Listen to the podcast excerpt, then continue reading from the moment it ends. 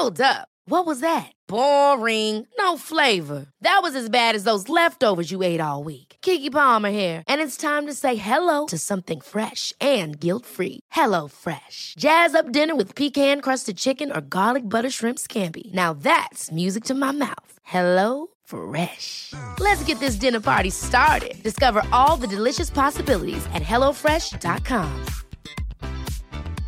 Hey, I'm Ryan Reynolds. Recently, I asked Mint Mobile's legal team if big wireless companies are allowed to raise prices due to inflation. They said yes. And then when I asked if raising prices technically violates those onerous two year contracts, they said, What the f are you talking about, you insane Hollywood ass? F- So to recap, we're cutting the price of Mint Unlimited from $30 a month to just $15 a month. Give it a try at mintmobile.com slash switch. $45 upfront for three months plus taxes and fees. Promo rate for new customers for limited time. Unlimited more than 40 gigabytes per month. Slows. Full terms at mintmobile.com. Ready to start talking to your kids about financial literacy?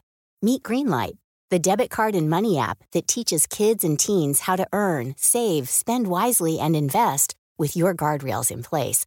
Parents can send instant money transfers, automate allowance, and more. Plus, keep an eye on spending with real time notifications. Join more than 6 million parents and kids building healthy financial habits together on Greenlight. Get your first month free at greenlight.com slash ACAST. That's greenlight.com slash ACAST.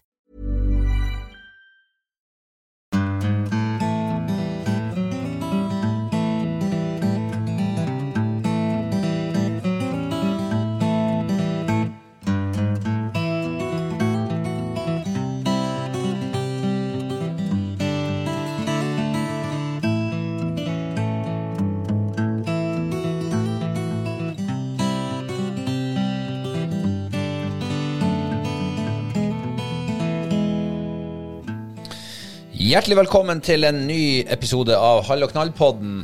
Og eh, hei og hå til deg, Kristine. Uh, hu hei. Ja sk- eh, Sånn røftlig regna 14 dager siden vi satt her sist. Ja. Eh, Det var, var ikke det litt uvant å ikke sitte her for en uke siden? Jeg vet hva, tida har gått så fort. Eh, ja. Så eh, jeg har faktisk ikke tenkt over det. Nei. Jeg, jeg satt jo litt her forrige uke, faktisk. Ja, Var det rart å sitte her uten meg? Ja, Det var veldig rart. Ja, det var det, ja. Ja, det var helt sært. Eh, Du er jo minst halve meg, så, Ja. så halve meg var borte. er ikke det en sang som heter det? Eh, jeg vet ikke. Jeg tror det. Det er sikkert en visesang eller noe. Nei, Nei, nei, som. Jeg har aldri hørt om før. Nei, det tror jeg er mer enn det. Det er mer pop-aktig popaktig. Åh. Men eh, jeg skal ikke bannes på det. Nei. Jeg bannes ikke så mye til vanlig heller. Så. Men, eh, men eh, ja, hvor det går. Hvor det går med pasienten vår. Ja, eh, det går veldig bra nå etter et eh, kjapt legebesøk i dag. Og, eh, Oppa, ja, ja. og sydd og greier. Og, Og enlighten us. Fortell eh, hva du har blitt utsatt for. Jeg vet hva, jeg kan fortelle det Vold. Er det vold? Eh, ja, egenvold. Ja, og Jeg er jo så flink til det. selvskading. Ja, det, er det du, Ja. vi som kjenner deg, vet at du er over gjennomsnittlig flink til det. Jeg fikk snap i dag av en om Å, har du vært ute på egen hånd igjen? Ja, ja, ja. Så, men, Hvem, du eh, fikk, hvem du fikk den fra? det var fra Daniel Larsen. Oh. Ja. Han, han kjenner eh, deg godt, han òg. Ja, men det kommer uh, litt seinere, for det jo Det er min første jaktprøveskade. Ja, ok, men det, det er ikke livstruende. Det kan vi berolige alle lytterne med. Nei, jeg håper jo at det ikke blir det etter hvert. Det verste som kan skje, er jo at, uh, du mister en fot, da, eksempel. Ja. Eller det er jo ikke det verste. Det verste som skjer, er jo at du dør. Men jeg tror ikke du dør Eller? Nei, det tror ikke jeg heller. Nei, det skulle vært veldig Da tror jeg det blir skrevet om det i Det kommer til å bli en granska sak Eh, i VG. nei, uff. Hvis det skulle skje, da. Ja, Altså. men slutt nå. Jeg liker jo å snakke sånn der. Æsj. Ja, ja, men sånn bortsett fra skaden, eh, har du det bra? Eh, ja, Mm. det har jeg veldig bra. Jeg kunne faktisk ikke hatt det bedre. Nei. Nei. Eh, vil du at vi skal komme tilbake til det og litt seinere? Ja. Ja. Spør meg hvordan jeg har det. Hvordan har du det? Jeg har det eh, veldig bra. Du har det, ja? Jeg er veldig trøtt i dag. Ja, ja da er vi to. Ja, veldig sliten. Eller har vært det. Ja. Eh, men eh, jeg er fornøyd, tilfreds. Jeg har det veldig bra. Du vet når du har spist god og mett. Ja. Sånn følelse har jeg inni meg nå. Altså ikke i magen, da, men litt sånn mer i kroppen. på en måte. Sånn god, god og mett, sånn god og fornøyd. ja. Litt sånn har jeg det. Jeg blir, uff, jeg angrer hvis jeg er sånn god og matt, så bare åh. Og du angrer på at du spiste så mye? Ja, så da har ikke jeg det så veldig bra, da, men Ja. ja. Nei, eh, La oss nå bare gyve løs. Ja. Har du noe Hva er de siste to ukers høydepunkt, må vi vel kunne si, da? Eh, For det er jo to uker siden vi satt her og prata og gjorde en vanlig episode. Ja, eh, det er gårsdagen. Det kan vi også komme tilbake til. Det er ukas høydepunkt. Nå selger du inn resten av episoden meget godt. Jeg hadde en av mine um, Ja, en av mine beste dager på lenge i går. Ja, supert. Egentlig, ja, men ikke bare. Ja, helga, egentlig, sånn generelt sett under Ja. Ja, og eh, til våre lyttere Dette kommer jeg tilbake til litt seinere i denne episoden. Men eh, eh, Ja, for det er ditt høydepunkt. Men du har jo vært eh, ja eh, Du har jo vært sørpå en tur. mitt, eh, jeg har to høydepunkter. Og det andre høydepunktet det er at jeg eh, var nede på besøk hos Takk. søster. Takk! Jeg, måtte, jeg, måtte, altså, jeg har aldri fiska så mye Nei. før. Unnskyld, Johanne. Jeg hadde glemt den der. Jeg glemte rett og slett at det har vært en uke nede på Vestlandet. Eh, Hei, altså, Ja. hører jo Johanne på podkasten vår? Nei, heldigvis ikke. Ja, ok, Da trenger du ikke å beklage overfor henne, i hvert fall. Ja, jeg, har vært, eh, jeg har vært en uke hos Johanne, ja. Ja. Ja, eh, det er jo litt sært, for du er jo, er ikke sært, det er jo ganske tøft gjort, faktisk. For du lider jo av mange skrekker her i verden, men flyskrekk er jo en av dem. Eh, Ja, så denne uka her, den har egentlig vært Jeg lider, ja, jeg lider av eh, mange skrekker. Så jeg har aldri vært så stressa og hatt så mye angst i kroppen på kort lita uke som denne uka, eller forrige uke. Mm. Men det var ikke noe å være redd for. Johanne er jo grei, selv om hun bor på Vestlandet. Ja, det var ikke hun jeg var redd for, da. Det, det, det var elleve timer reise med, med fly inkludert, og jeg har jo så flyskrekk. Um, så det var uff. Jeg tror jeg skal sende deg litt oftere på flytur alene, for jeg tror det er den eneste måten å kurere det der på. Jeg vet ikke, det trenger jeg ikke. Nei. Men jeg har vært hos Johanne, ja. Um, heldigvis så var det Vestlandet viste seg fra sin beste side. Vestlandet er stort. Ja. Ja, Vær litt mer presis, du som er god i geografi. Hvor du har vært hen? Jo, men det skal fram til at det var Det, var, det regner ikke der. Det var, var, ja. Men det samme er landa på fredagskvelden. Så bare lyste opp blå himmel og sol, og, og sånn var det hele tida. Så Vestlandet har ikke levert, altså? Det, Vestlandet, det, vi, det Vestlandet er kjent for? Nei, Merkevaren Vestlandet har ikke levert. Nei, så vi hadde kjempevær. Um, og jeg var i Loen, og det ligger vel en sånn her eh, ti minutter til høyre for Stryn. Til høyre. Ja, Du- til høyre for den fjorden. Jeg, Du, du kan prate stammespråk i denne podden. ja, Ja, vi, vi sier ikke høyre på et kart. Sør, sørover da, kanskje. Jeg vet ikke om det var sørover. Jeg. Det var noe nedover, i hvert fall. Ja, hvor nedover på et kart er det? Nei, hvis du tar kartet, så ser du til høyre for Stryn. Der er Loen. Til høyre for Stryn! Ja. Det har aldri stått at du skal gå til høyre når du skal navigere. Nei, men Uh, Hvilken retning er det du har vært for Stryn? jeg kom fra venstre, holdt på å si. Ok, pappa hadde skjønt. Johan og pappa skjønner hva jeg snakker om. ja. Ja. ja det, det er ikke stammespråket vårt, dessverre. Beklager, beklager til deg nå som har, har det her greiene inni ørene dine. Ja. Eh, ja, jeg hadde det kjempetrivelig der. Vi var jo, ene dagen var vi og kjekk etter eh, om sjøørreten hadde begynt å levne til. Eh, vi så ett vak, så jeg gidder liksom ikke å koble opp fluestanga på ett vak. Nei. Og så var det kjeik etter selfjæra. ja. Hvis du hadde vært, hvis du hadde vært hjemme her, liksom, nordpå, Ja. og du hadde sittet i La oss nå si at det var midt i april, ja. og så hadde du sittet liksom siden 1. april, sånn innimellom, Mm. og speida tilbake. Mm. Og plutselig så ser du ditt første vak 15. april. ja. Hadde du kobla opp fluestanga? Eh, ja. Ja. Men det gjør jo altså Første turen jeg er i fjæra her hjemme vi reiser det, men det er kanskje ja, det er vel mer mot slutten av april. Da kobler jeg opp fluestanga før jeg begynner å kikke på liksom en eh, spesifikk plass. Sånn at du er klar? Skuddklar, Ja. liksom? Ja. Men der nede, altså, man er ikke kjentere. Og Johan, altså, Johan er jo tydeligvis litt kjentere, og det var jo noen plasser der det ja, brukte å være liv. Og, men det var ikke liv der, og da gidder jeg ikke. Tenker Det er sikkert en uke for tidlig, eller der nede. Eller så kanskje de bare er på andre plasser på denne tida av året. Det kan hende. i, hvis du sammenligner midt på sommeren. Sånn er det jo her òg. Ja. Eh, tidligplassene eh, er ikke riktig så bra bestandig senere på sesongen. Nei. Da sjøørreten spredde seg rundt for alle vinder, eller for alle sjøer. da. Ja. Ja, det, altså så sjøørretsafari, på en måte. Eh, ja. Ja, Da innfridde jo safarien, og du fikk jo sett en sjøørret. Ja, jeg så en sjøørret, og Johanne påsto hun så en sel dagen før jeg skulle reise. Så hun svingte jo innom, og vi sto og kjeik og kjeik og kjeik. Jeg måtte bare si til Johanne for jeg var sliten og lei, vi hadde kommet fra Dombås, at Johanne har sett sel før. Jeg trenger ikke å se sel. altså, du har vært på selsafari òg? ja. Ja. Har du vært på flere safarier? Eh, ja, så tok hun meg med på hjortesafari. Oi. Ja, for Det var også når vi kom fra Dombås. Vi hadde sittet i bilfaen i fire timer. Fem timer inkludert kolonnekø. kolonnekø. Og da var jeg også så trøtt og sliten, og det, da, da begynte det å pissregne. og Så, ja. Eh, da leverte Vestlandet. Endelig. ja. Men det Siste leverte ikke mye hjort. Jeg, så, jeg, jeg syns jeg så to hjort.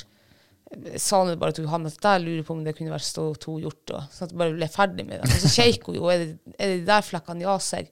Å ja, nei, det der er ikke gjort. Å ja, nei, var det ikke det? Nei, det, det var ikke gjort. Det var bare noe sånn her eh, gresstue liksom i, i høyre, eller i gresset. Ja, så jeg fikk ikke lurt med det heller. da. Men så vi så ikke gjort. Og jeg var så sliten og trøtt. Jeg ville egentlig bare hjem og dusje og Ja. ja, slappe av. Ja. Ja, så um, eh, sjøørretsafari, selsafari og hjortesafari. Ja, og så har vi vært på eh, eh, fjellsafari. Oi! Eller vi skulle, vi skulle nå i hvert fall på fjellet i Loen. Eh, Men eh, ikke på safari, da? ja, sånn, sånn, nei, ikke safari, men bare sånn her fjelltopptur. Oh, ja. Eh, så jeg spurte kjæresten hennes om, eh, om det var hoggorm her. Nei, sann, det var det ikke. Han hadde nå eh, gått i skogen her i 33 år og kun sett to hoggorm. Den ene var påkjørt. Å ja. Hm. Og jeg tenkte, Så sannsynligheten var jo altså, veldig, veldig, veldig lav. Påkjørt i skogen. Er sikkert på veien der et eller annet. Ja. Um, nei, så vi går nå Vi følger stien ganske langt opp, så skal vi ta av liksom til venstre. ja, for det er ikke Eh. sikkert det er vestover. nei, For det var ikke sikkert dere gikk nordover. nei, ikke sant. Så da tok vi faktisk av til venstre og, og liksom skulle gå liksom rett beint opp til fjells. Og vi hadde ikke gått lenger enn 50 meter fra stien. Der skvett Johanne til. Jeg, jeg vet ikke hva jeg trodde. Jeg trodde kanskje at eh, Eller jeg vet egentlig ikke, men hun bare skvatt til, så jeg skjønte ikke hva som foregikk. For hun lå, le- altså, lå og led an det her eh, trøinga. Eh, ja, da sto det jo en hoggorm rett foran henne. Altså, den var svær og feit. Uff, og, og så stygg. Hvor stor blir en hoggorm?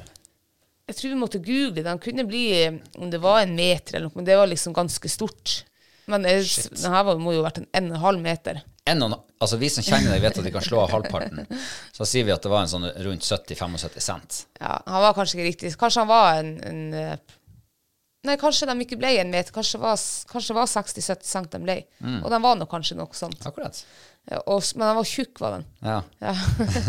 Var han ekstra fare, altså Så han ekstra faretruende ut da? Nei, han, heldigvis ikke. Han så ganske slapp ut. Um, og så vi, Hun trakk seg nå tilbake, og vi sto og, og filma litt og snappa. Og, og plutselig der kvikna han til. Da ble han nysgjerrig på oss. Så han kom jo mot oss. Eh, ja, på en meters hold før han svingte unna. Shit, hvorfor, altså Hadde han god fart? For jeg har aldri sett hoggorm før. Ja, han hadde ganske god fart, syns jeg. Det er ikke sånn at, du, at han plutselig hadde liksom kommet på deg, og så Ja, det, uten at du hadde nådd da? Ja, det var det var redd. For han gikk ikke med sånn brun makt. Du vet, de kryper jo med sånn her U på ryggen, liksom, bort igjen. Mm. Han her kom jo bare. Ja. Ja vel, men, men du hadde klart å springe fra han, liksom? ja, ja. Jogge fra han? Ja, ja, gå, det, gå fra han? Ja, ja, det hadde jeg klart. Ja. Men så tenkte vi at faen, altså ja, Dæven, vi var heldige nå som fikk se en hoggorm. Han Ja. har akkurat sett to i hele sitt liv. Ja. Og han har trødd mye i de fjellene der. Og så går vi 50 meter til, maks. Um, der ser jeg en hoggorm, ja. Midt, da hadde Johanne trødd over hoggormen, ja. Og da står det en hoggorm midt imellom oss på en og en halv meters avstand, både foran og bak. Og, og den, den lå liksom Først trodde jeg den var død, for han lå liksom med litt sånn der slapt tau. Ja, ja. Og hundene drev og sprang over den. De gikk jo løs. Vi var jo for, dem fast i bånd, og, og da begynte han å levne til. Når den, ene hunden liksom trødde nesten på han. Og da så han nesten skulle fære etter han. Um, og da, fikk, da kjente jeg panikken kom og tok meg, så da torde jo faen verken å gå til høyre eller venstre eller fram eller bak. Men var det panikken på vegne av deg sjøl eller på vegne av hundene? Nei, på, på vegne av meg sjøl. Det kan jeg ikke forstå, for du klarte jo lett å gå ifra en sånn der. Så ja, men da tenkte jeg nå, nå er det jo hoggorm her overalt. Nå har vi sett to hoggormer. ja, kanskje de hadde omringa dere? Ja, vi så to hoggormer på eh, ja, fem minutter. Han, Atle hadde sett to hoggormer på hele sitt liv. Ja, ja. Jeg tenkte, her, Det må jo være hoggorm overalt her. Eh, så um, Johanne står på den andre sida av stein og kratt, og så var det litt sånne snøflekker som var um, råtten, så du visste jo hva som var under der. Og så Hun var jo egentlig på trygg avstand, for hun var kommet seg forbi den her snøflekken og den der steingreien. Men det var jo ikke jeg, og jeg tenkte jeg går ikke tilbake, for jeg var jo også en hoggorm, så jeg ante ikke hvor jeg skulle gå hen. Ja, ja. Jeg var livredd, var jeg. Jeg skjønner. Er de giftige? Ja, de kan være giftige. Kan de være giftige? Nei, de er vel giftige. Ja, sånn at man dør av det? Jeg, jeg vet ikke om det er så skummelt for oss unger. Man kan Jeg aner jo ikke. Hva du sa Nei, hunder, mener jeg. Sa jeg unger? for oss unger, syns jeg du sa. Nei, hva jeg sa Jeg tror den kan være farlig for hunder, ja. Jeg kjente det helt feil, ja. Ja. Um, men for oss mennesker, uh, ikke unger, uh, så vet jeg ikke om de er like farlige. Det verste som skjer, er at du amputerer foten. Ja, jeg aner jo ikke. Altså, Vepsen kan jo drepe et menneske, så jeg regner med hoggorm klarer jo sikkert også å gjøre det. Ja, jeg tror han kveler deg. Tar kvelertak på deg. Ja, sånn. Men i hvert fall da, så... altså ja, Etter mye roping og skriking, vet ikke, vi sto der i 20 minutter og diskuterte. 20 minutter. Ja, for jeg skulle ha henne ned derifra, at hun kunne komme tilbake, at hun kunne gå foran meg. Altså, vi som kjenner deg, vi vet vel at vi kan slå av halvparten sånn cirka. Du, det er helt seriøst. Jeg filma mye av de samtalene på samme plassen. Det, det er faktisk 20 minutter vi sto der og kakla. Okay. Og hun torde ikke å røre på seg, og jeg torde ikke. Men til slutt så jeg måtte nå bare komme opp da, til henne. Og da fant vi sånn svær sånn her stein, sånn svaberg, og der skulle vi nå ha bål, og vi torde ikke å gå videre opp i fjellet. Um, så vi gikk dit og skulle ta bål, ja, og så skulle vi jo finne buske, altså eh, bålpinner, vedpinner. Til å fyre bål med. Ja. Så Johanne nå går nå bare 20 meter på oversida av der vi skulle ha båla, og leter, for da var det noe tørt. Og hun går dit, og der kvekker hun til igjen. Der er faen meg tredje hoggormen. Så da hadde vi altså sett tre hoggormer på ja, eh, halv time, kanskje. Dere har trødd rett inn i et ormebol. Ja, det må være et bol der. Ja. Og så var det jo knallsol den dagen, så han lå vel ute og solte seg. Jeg har jo sett på eh, National Geographic eh, i sånn her ormebol, Ja. Mm. slangebol. Da kommer de jo ut når, når våren begynner, sola begynner å varme i, i berget. Ja. For de er jo vekselvarme. Og eh, det er vel det som har skjedd der, da. Sola er blitt akkurat sterk nok til at det begynner å varme på litt bare flekker på bakken. Men hvordan er han da på sånn høsten? For de, det, vi gikk jo midt i hjortetrangen deres, og de har aldri sett hoggorm der før. De, må, de ligger de i bolig sitt, eller? Kanskje de eh, ligger og um, verper. Hva vet jeg. Her burde du undersøkt. Lært litt mer om eh, hoggorm. Nei, trenger, vi har ikke hoggorm her oppe. Heldigvis. Takk Gud for det. Nei, men nå skal jo jeg sende deg eh, nedover dit med fly av og til, bare sånn for å få kurert skrekken. Så det er jo en fare for at du møter på dem igjen. Kanskje du kan lære deg hva du skal gjøre hvis du blir bitt av hoggorm, f.eks. Ja. Det har du ikke sjekka. Nei. Men jeg sjekka at eh, for, Ja, vi googla faktisk om hoggorm er farlig, og da var det hvis du hadde litt sånn høyere gummistøvler eller fjellsko, så skal du være stort sett trygg. Ja, for de klarer ikke å bite så veldig mye høyere, da. Nei. Jeg så jo for meg at de kunne hoppe liksom opp i, i, sånn brystregion og Bite deg i hjertet. Ja. Ja. Det er det bare jeg som får lov å gjøre. I hvert fall i nærheten av hjertet. Ja. Nei, så eh, Ja, vi, jeg kan jo si vi har vært på hoggormsafari også, da. Da er det fire hoggorm, nei, fire safarier. Ja. Shit, det er ikke verst. Nei. På en, eh, noen få dager. Ja. Og så ja, var vi jo i Dombås. Det var jo derfor jeg skulle dit ned. Så jeg tok jo bare og slo to fluer i ett smekk og besøkte Johanne også. Det er sant, det. Så jeg var der på, eh, på HMS-kurs og skredkurs. Ja. Mm. Hvordan var det? Veldig... Har du lært noe? Eh, Ja, faktisk. Mm. Jeg har lært en god del som jeg kommer til å ta med meg videre i eh, livet. Sånn type allmennyttig kunnskap? Ja, det er nok sikkert det. Som, så alle burde kanskje ha gått på et HMS-kurs og skredkurs? Ja, det syns jeg absolutt. Mm. Jeg syns i hvert fall det var veldig interessant og, og lærerikt. Og eh, det her var jo et kurs på to dager, så det liksom, du er jo ikke verdensmester når du er ferdig, men du er litt forberedt da, Mm. tenker jeg. Grunnleggende kunnskap. Ja. Ja. Hva, hva det gikk ut på, da? Hva lærte du om skred? Vi har snakka litt om skred av og til. Nå sitter du med den nyeste kunnskapen av oss to. ja eh, så jeg lærte jo eh, Mye av det der har jeg jo hørt om før. Men nå fikk jeg også litt, sånn, litt mer i dybden hvorfor og, og, og Katti og ditt og datt. Og, Um, og så må jeg bare liksom, Det er ikke for å skryte, eller noe sånt, men vi hadde jo en sånn Kahoot-quiz, er det det heter? Om skred. 26 spørsmål. Eh, det her var rett før kurset, altså, det her, eller det her var starten på kurset. Og uh, da kom jeg på tredjeplass av 15 uh, deltakere. Kjempebra. Ja, Fikk du premie, diplom eller noe? Ja, jeg, fikk, eh, jeg skulle ikke bli gravd ned liksom, på morgendagen. Ah, for det var, Det var praktisk kurs også, Eh, ja. ja, siden noen skulle bli gravd ned. Ja, men eh, så viste det seg jo at det var jo altså så Det var bare is på fjellene der, sånn heller hard pakka snø. Det var ikke mulighet til å grave i det, så det ble ikke noe nedgraving da. Nei. Nei. Så premien, premien ble ikke så mye verdt allikevel. Mm, nei. Men hvor mange retter fikk du? Sa du? Eh, nei, det er Jeg er litt usikker. Jeg, vet, jeg, jeg mener jeg hadde ni strikes til å begynne med. Og så, og, og så hadde jeg en tre-fire feil, og så tror jeg hadde en par-tre feil liksom etter det igjen. Så kanskje hadde en 19-20 rett. Oh. Det, det er imponerende. Jeg visste ikke at du hadde så mye kunnskap om skred Nei, fra før av, liksom. Før kurset. Eh, og hvor mange hadde, Kjørte dere sånn konkurranse på slutten av kurset igjen? Bare for å se om dere Nei, hadde lært noe? jeg tenkte kanskje at de gjør det, men det gjorde vi ikke. Nei. Eh, ja, men du sa ikke hva dere eh, lærte. Nei, vi lærte noe sånn hjerte- og lungekompresjoner og Heter det det? Ja. Og så lærte vi hvordan vi skulle stoppe blod. Det visste jeg ikke. Visste hvordan vers leste dere da? Nei, ikke sant. Det var det jeg trodde at man skulle lese et sånt blodstoppevers. Ja, det, det har jeg også hørt. Ja, men det viser at det er mye mer effektivt hvis du bare faktisk bruker eh, ja, fingrene og, oh, ja. og hodet. Ja, Funker det bedre enn å lese et vers? jeg tror nå det. I hvert fall hvis det er sånn livstruende at personen blør veldig mye. Du, jeg leste i Nordlys en gang at eh, legene på UNN, altså de kirurgene, hadde no, når de ikke klarte å stoppe blodet, blødninger under en operasjon, Ja. så ringte de til De hadde en liste med sånne folk som kunne Ja. stoppe blod. Og de ringte til dem og stoppa blod. Oh, ja. Redda mange liv med det. Ja. Det er jo selvfølgelig ikke verifisert info, men eh, Så da må det være kjempeeffektivt å lese.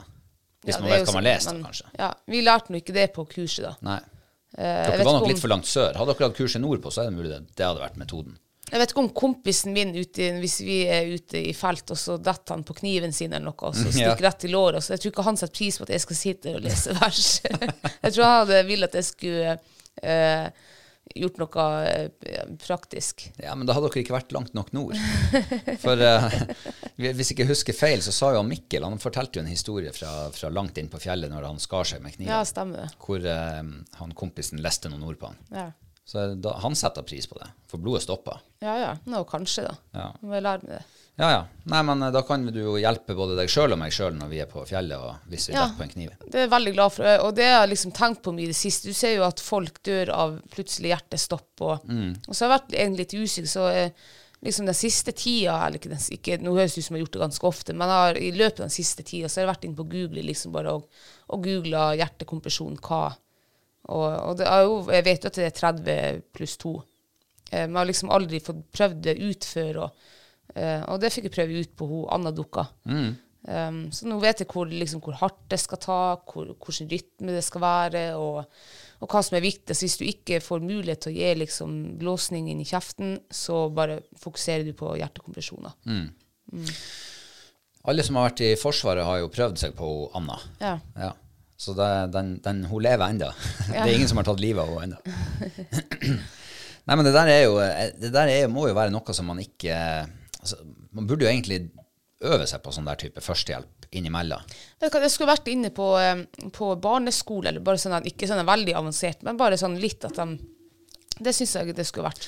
Ja, men det skulle ikke vært bare på barneskolen. Det skulle jo kanskje vært i alle klassetrinn. En gang i året Ja, ja, skulle du ha Ja. førstehjelpskurs. Og, og, selv jeg som hadde mye førstehjelpskursing eh, i gamle dager Jeg har ikke gjort det på masse masse år nå. Nei. Det sitter jo ikke langt fram i nepa mi, liksom. Nei, nei. Så med mindre man driver på med det og liksom frisker opp denne kunnskapen, så jeg tipper at man blir mer og mer usikker. Og når du plutselig havner i en sånn situasjon, tør du? Tør du å liksom gjøre det du lærte en gang i tida? Men det jeg også fikk vite, at, at eh, nå, har nå har vi gått igjennom det man skal gjøre, men selvfølgelig hvis en, en, en situasjon skulle oppstå, en alvorlig en, og du står der og bare Hva i faen var det jeg skulle gjøre? Så lærte vi at det er bedre å gjøre noe enn ingenting. Uansett hva du gjør, så blir det ikke verre. Altså sånn der. Du, ja. Ja, hvis du ikke tar, eh, blir helt, går i lås og får sjokk, og så begynner du å springe rundt og rope på hjelp langt inn på fjellet, for det hjelper ikke. Nei, det, nei, nå var det liksom hjelp mot den personen. Noe førstehjelp, ja. Ja, Ja. Hvis det, han blør i hjel, hvis du er usikker om du skulle putte fingeren inn, eller om du bare skulle holde over, eller om du skulle ta tau og stramme, og gjøre noe i hvert fall for å prøve å stoppe det, Mm. Ja, så er det bedre enn ingenting. Hvis du bare står der, så, så har du ikke gjort noe, og det er til ingen hjelp. Mm. Ja. Ja, da blør han i hjel. Ja. Så, så, så ja, altså Har du en kniv som står inni armen din, og du trekker den ut og ser at det tyter blod i alle retninger Stikk den tilbake. ja. Nei, men altså, da er det jo da, det, er Man må jo bare prøve seg fram hvis du er usikker. Skal jeg stikke fingeren, den skjetne fingeren min inn dit? Ja, kanskje. Hvis det Ja, redder ja, livet hans. Stoppe blodet når jeg stikker fingeren dit? Nei, det blir mindre. Jeg prøver å stikke to fingre, da. Mm. Eller prøve å snurre Sette knute på tråden, holdt jeg på å si. Mm. Sett på turniké. Ja. En stund i hvert fall. Ja, det er sant, det. Men jeg tror jo fort at eh, Jeg ser jo bare når man er stressa, hvor vanskelig det er å få ting, få gjort ting. Og jo mer sånn finmotorikk det er, Mm. jo vanskeligere er det å få åpna det lokket på den snusboksen, eller å få åpna den boksen Ja, ja. med et eller annet. Ja. Eh, Så kanskje man bare Ja. Og det fikk vi også. Det selvfølgelig, De var også, kunne vært stressa i gitte situasjoner, men da var det bare sånn her Legg alt bort, ta et pust, og begynn på nytt. Eh, Men det var veldig lærerikt og interessant, faktisk. ja. Lærte du eh, 'følg rygg, vær trygg'? Ja. Det, var, de er, det er fortsatt på kurs, liksom. ja. Men det lærte jeg også når jeg tok det skuterlappen her tidligere i vinter. Du det to skredrelaterte Ja, kurs. faktisk. Da gikk vi også litt, men det var ikke like sånn i dybden som det her kurset. Ja, nei, men da har du jo fått hilst på søstera di og uh, fått eh, sett Dombås fra, fra fjellet. Ja, og det var det jeg skulle si. Vi har faktisk vi har hatt en sånn liten hjorte-elgsafari også. Nei, rådyr- og elgsafari. Jeg telte tolv eh, rådyr og seks elg på strekninga Loen-Dombås. Kult. Og jeg tror alle de der elgene og rådyrene, de var der i um, Skjåk. Nei, Det er en plass som heter Skjåk. er det imellom der? Jeg lurer på om det var Skjåk. Det kan godt være. Det Der i høvene der som har Brimi opererer. Jeg tror det var der i høvene, ja. Lom. Ja, der. Skjåk. Ja, sant. Det der høres jo ut som um, gress på tak for voksne. Eller for jegere. Ja, ja For- vel, der var det jo veldig fint. For at eh, da vi var små og satt i bilen, kjørte på ferie, og du kjørte en hel dag Mm. eh, Det eneste vi hadde å gjøre for å få tida til å gå, det var jo ikke bærbare DVD-spillere i den tida, liksom. Nei. Så da var det enten å kjøpe en sånn der en, eh, avkrysningsbok på det som var Statoil, Ja, det husker jeg. ja. eller så var det å sitte og telle gress på tak. Å ja. Og da satt jeg og telte på min side, og broderen satt og telte på andre sida. Så gjaldt det å få telle flest. Oh, ja. Og da nytter det ikke å begynne å sovne av og sånn. Nei, nei, du da tror holde må du våken og skjerpa. Hva du tror hvor fort tida gikk? Nå har dere sittet og kjørt i noen timer og telt elg og rådyr. Ja, sant det. Det gikk sikkert kjempefort. Eh, ja. Kanskje vi skal lage en sånn, en sånn der bilbingo for jegere. Ja, Så kan man sitte ja og ja, huk av hvor mye dyr du ser, eller Hvilke dyr ser du, ja? Ja. Ja, ja, ja. God idé. Jeg noterer, skal vi se. Ja. Sånn, ja. Hva du har gjort mens jeg har vært borte en uke? Nei, jeg, jeg sa jo det her for en uke siden, at eh, jeg går veldig ofte i fella med å få brakkesyka. Ja. Når du er borte. du det? Nei, jeg klarte å holde det ganske, ganske Jeg klarte å holde det på en armlengdes avstand. Ja. Jeg syns du har vært flink, jeg. Det syns jeg òg.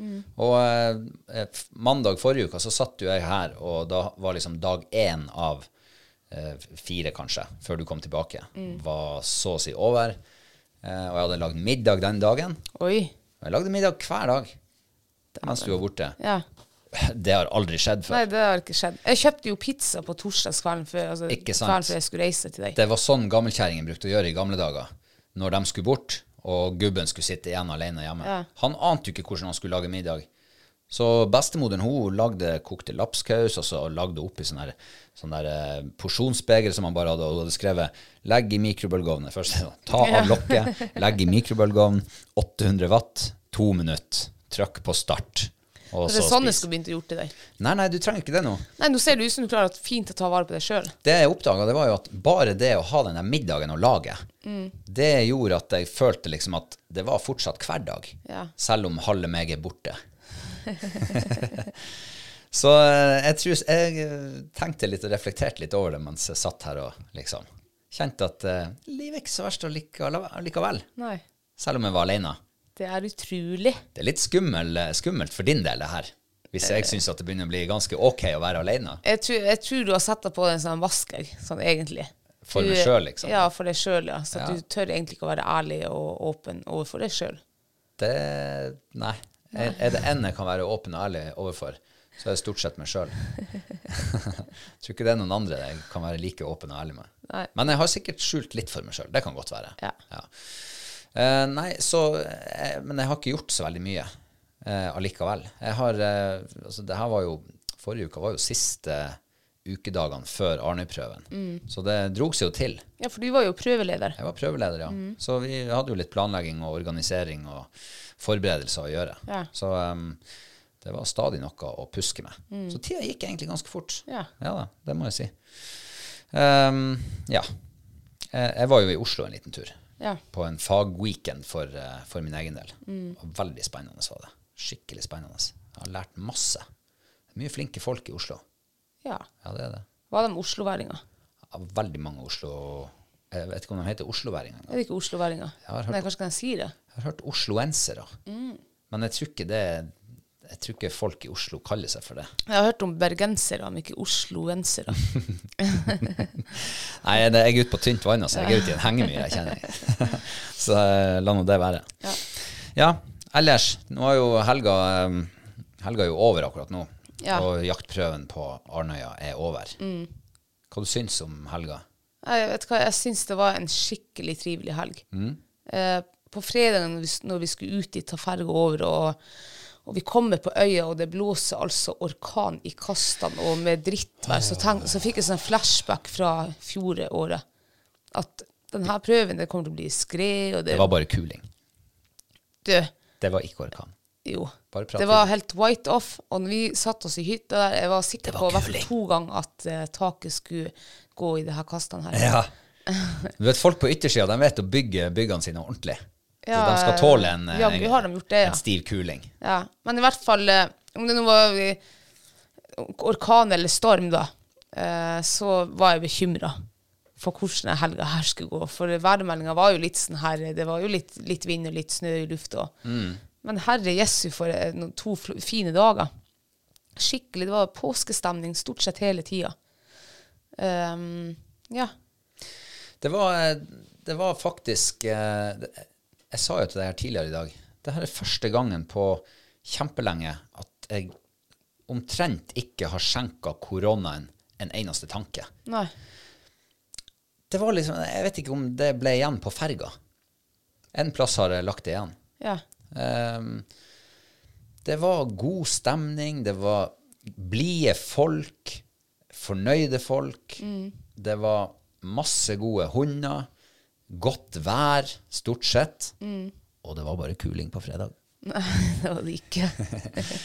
Litt snøfokk, litt snøbyger innimellom. Eh, men eh, du verden, altså. Nei, det var, og det var mye jobb. Masse jobb av det. Ja. Eh, men jegermiddagen på lørdag Ja, du verden, det var Det var virkelig et, høydepunkt. Ja, det er så mange år siden sist. Ja. Og det var stinn brakke, og det var god stemning, og latteren satt løst. Og, Ja. og mange å hedre, selvfølgelig.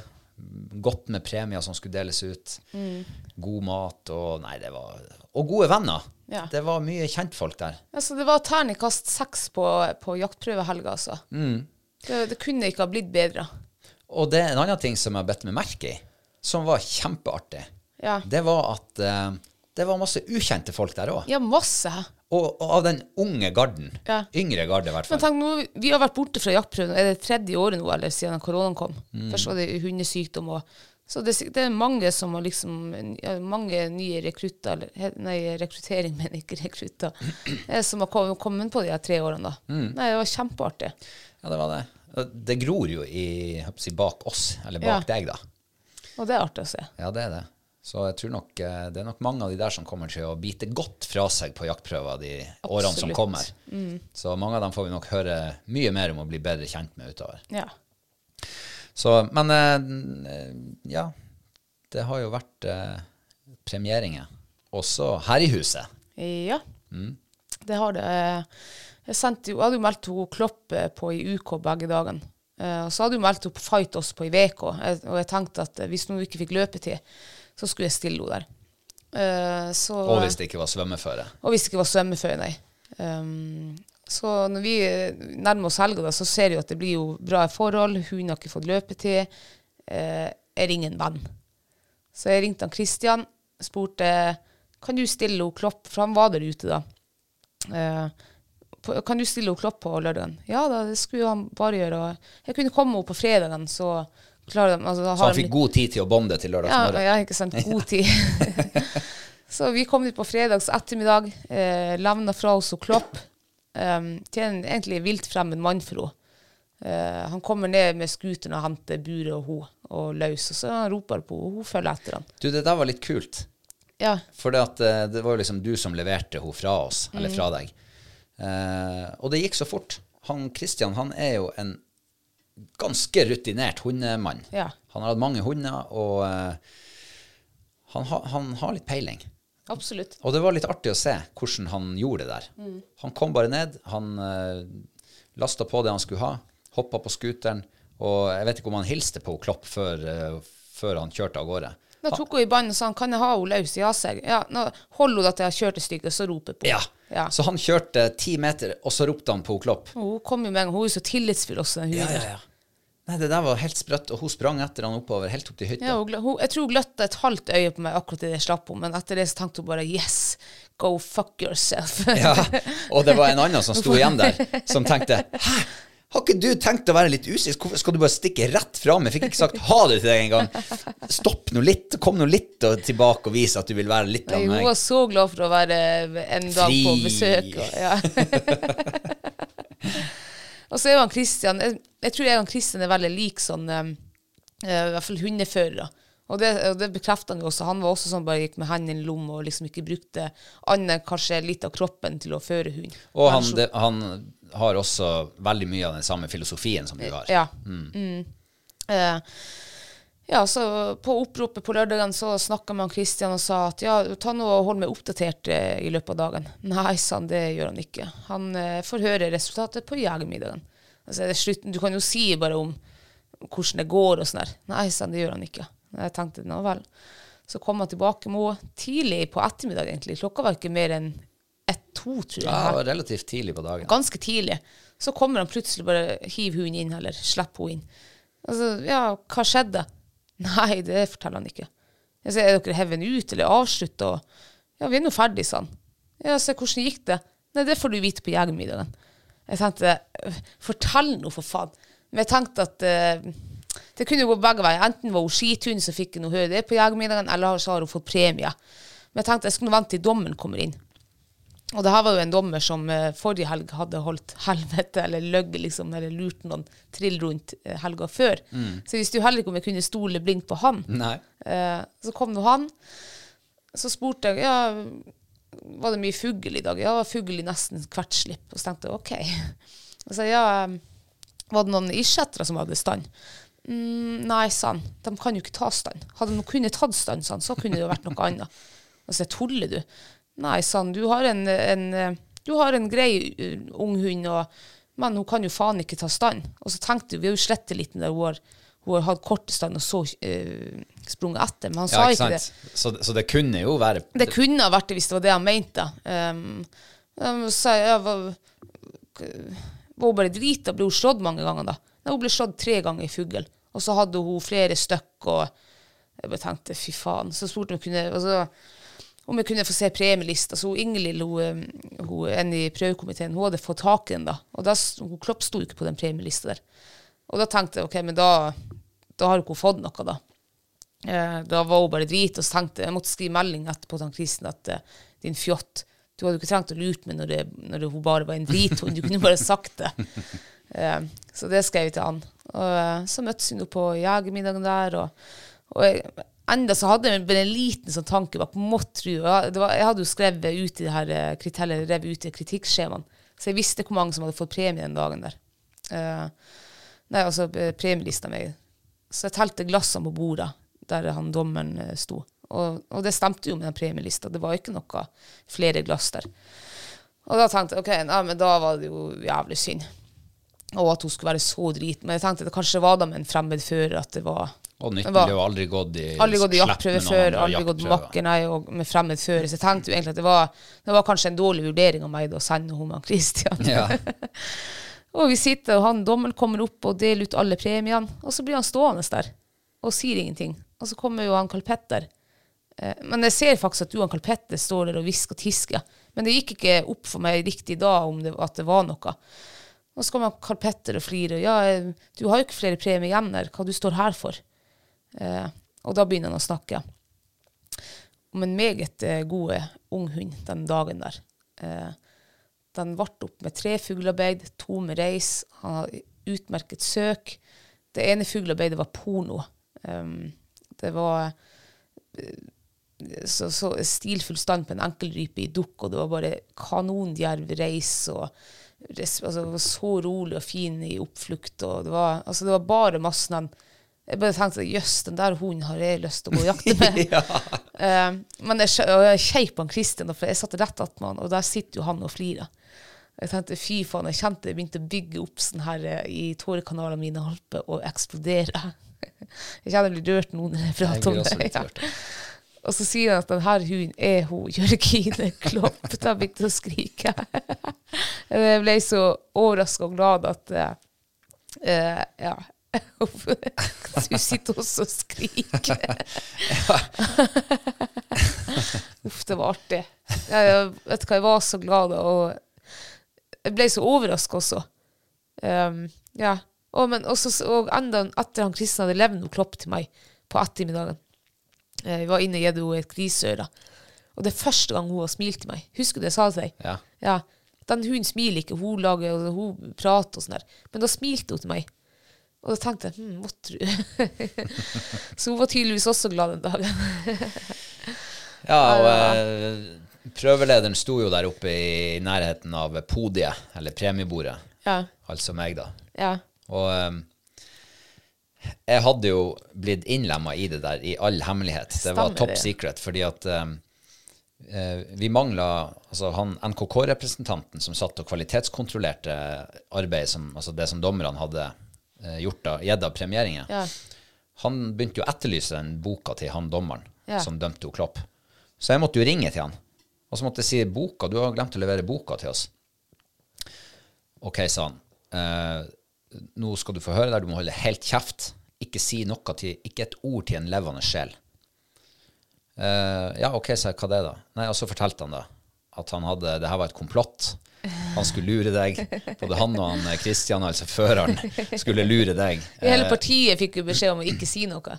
Å ja, ja, selvfølgelig. Ja. Hele partiet må jo også være involvert. Ja, de var også så det har jo vært, faktisk vært eh, det konglomeratet av, eh, av eh, ty, eh, antitysting her. Ja, De var jævlig gode å lyve også. Ja, ja. Så jeg var jo nødt til å eh, ta NKK-representanten til side og, og innlemme han òg i det, sånn at Ja. ikke han skulle liksom lage noe Stå ståhei ut av det der Ja. rett før jegermiddagen. Ja, ja, nei, sånn, men det var helt greit. Det var ingen problem. Så oh, ja. det, så, eh, og hun som skrev, eh, hun som skrev eh, diplomene, Ja. hun måtte jo også få vite om det. Sånn Altså, hun hun, visste om det, da. hun visste om det. hun visste om det. Men alle hadde holdt helt kjeft, og når jeg sto der oppe, selv om jeg visste det, så kjente jeg altså at det ble så rørt. For det at Ja, det var så fine ord, og, Ja. og så visste jeg jo at du satt der, og, og det her kom til å virkelig bevege deg. Ja. Så jeg, jeg, jeg tok liksom i, Jeg tok inn med min sjette sans både dine følelser og alt det fine han sa om Klopp. ja. Og derfor ble jeg litt bevega nå også. For jeg gjenopplever akkurat det der. eh, Men hva du tenkte når eh, du snakka med han dommeren her, da? Du som prøveleder, altså når han måtte fortelle at vi hadde fått første UK, for det er jo vår hund. Ja, men da var jeg i et veldig profesjonelt hjørne. Oh, ja. For da hadde vi veldig tidsnød. Ja. Det var liksom ikke mer enn tida av veien. Nei. Hadde han måttet komme med den boka, så hadde vi liksom altså Det hadde vært sånn på nippet til å liksom måtte utsette jegermiddagen litt. Grann. Oh, ja. Det var helt på tampen. Eh, så, så da var jeg bare i sånn her OK, greit, da har vi kontroll på det. Neste sak. Neste Neste ja. ting. Så der og da så reflekterte ikke jeg noe over det. Jeg bare noterte meg at uh, han har kontroll. NKK syns at det er i orden. Eh, så da var det greit. Ja, ok. Eh, og så syns jeg jo at eh, på en jegermiddag, hvor veldig mange av dem som har vært ute i marka om dagen, møtes, mm. så er jo liksom det, Man vet stort sett ikke så mye om hva som har skjedd i de andre partiene. Nei. hvordan er premieringen blant de andre deltakerne? Og når på en måte premiebordet er tomt, og så blir dommeren stående igjen, så det, det blir jo en litt sånn overraskelse Ja, for det alle, egentlig. Og litt sånne type ting er jo artig. Eh, det løser det artig, jo veldig Selv om jeg ble, lurt, jeg ble lurt til rundt, men jeg syns faktisk det var veldig artig, syns jeg. Ja, og hadde det vært en helt annen hund, så hadde det fortsatt vært artig. Ja, det hadde bare ikke vært så rørende for din del. Nei. Så nei, det der var, det var kjempeartig, altså. Ja, det var må det. jeg virkelig altså. si. Ja. Ja, kreativ dommer, det der. Ja. uh, ja. Um, men hvordan gikk det i Vekvann, da? Ja, nå skal du høre. Um, vi, vi ble jo heldigvis uh, satt på et eh, terreng der det ikke var så mye sånn tungt føre. Uh, det var mer eller mindre turboføre der jeg og Fight skulle gå. Så jeg tenkte at eh, da har vi kanskje god sjanse i dag, og, ja, egentlig jeg var, jeg var litt nervøs, men jeg var egentlig ikke så nervøs uansett. Jeg tenkte at hun, jeg vet hun Fight er god, så det her kommer til å gå bra.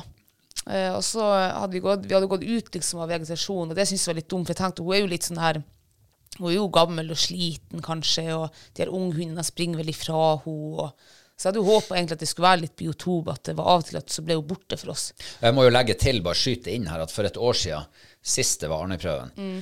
så Altså, det var jo bare for å minne lytterne på det, eller informere dem om det, så var det jo veldig emosjonelt for deg, fordi at da var det et helt annet føre, da, svømmeføre, og hun Fight ble jo avslutta. Ja, og det, men det var også For det var hennes siste jaktprøve. Det skulle være hennes siste jaktprøve. For Ja. var, da, da var hun jo ti år og syv måneder.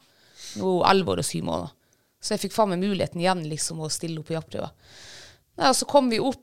Um, vi hadde slipp nummer syv, tror jeg. Da var vi jo opp, liksom. Vi hadde, vi, det var helt sånn vidde terreng. Det var helt hvitt. Vi hadde litt bjørk på, på venstre side av oss bortover. Eh, Jeg tenkte faen, altså, nå kommer de til å se kanskje at hun har litt mindre fart enn den andre hunden. Den andre hunden var en Forstedt tispe, som var egentlig ganske lita, men kanskje tyngre. Så jeg tenkte kanskje de har likens aksjon, da, at de eh, ikke blir skilt på det, da. Så jeg slapp henne fight. Eh, hun springer ut i fin fart. Over haugen blir borte. Tenkte, det gikk jo i medvind, så jeg tenkte jo ja, men det her var jo bra.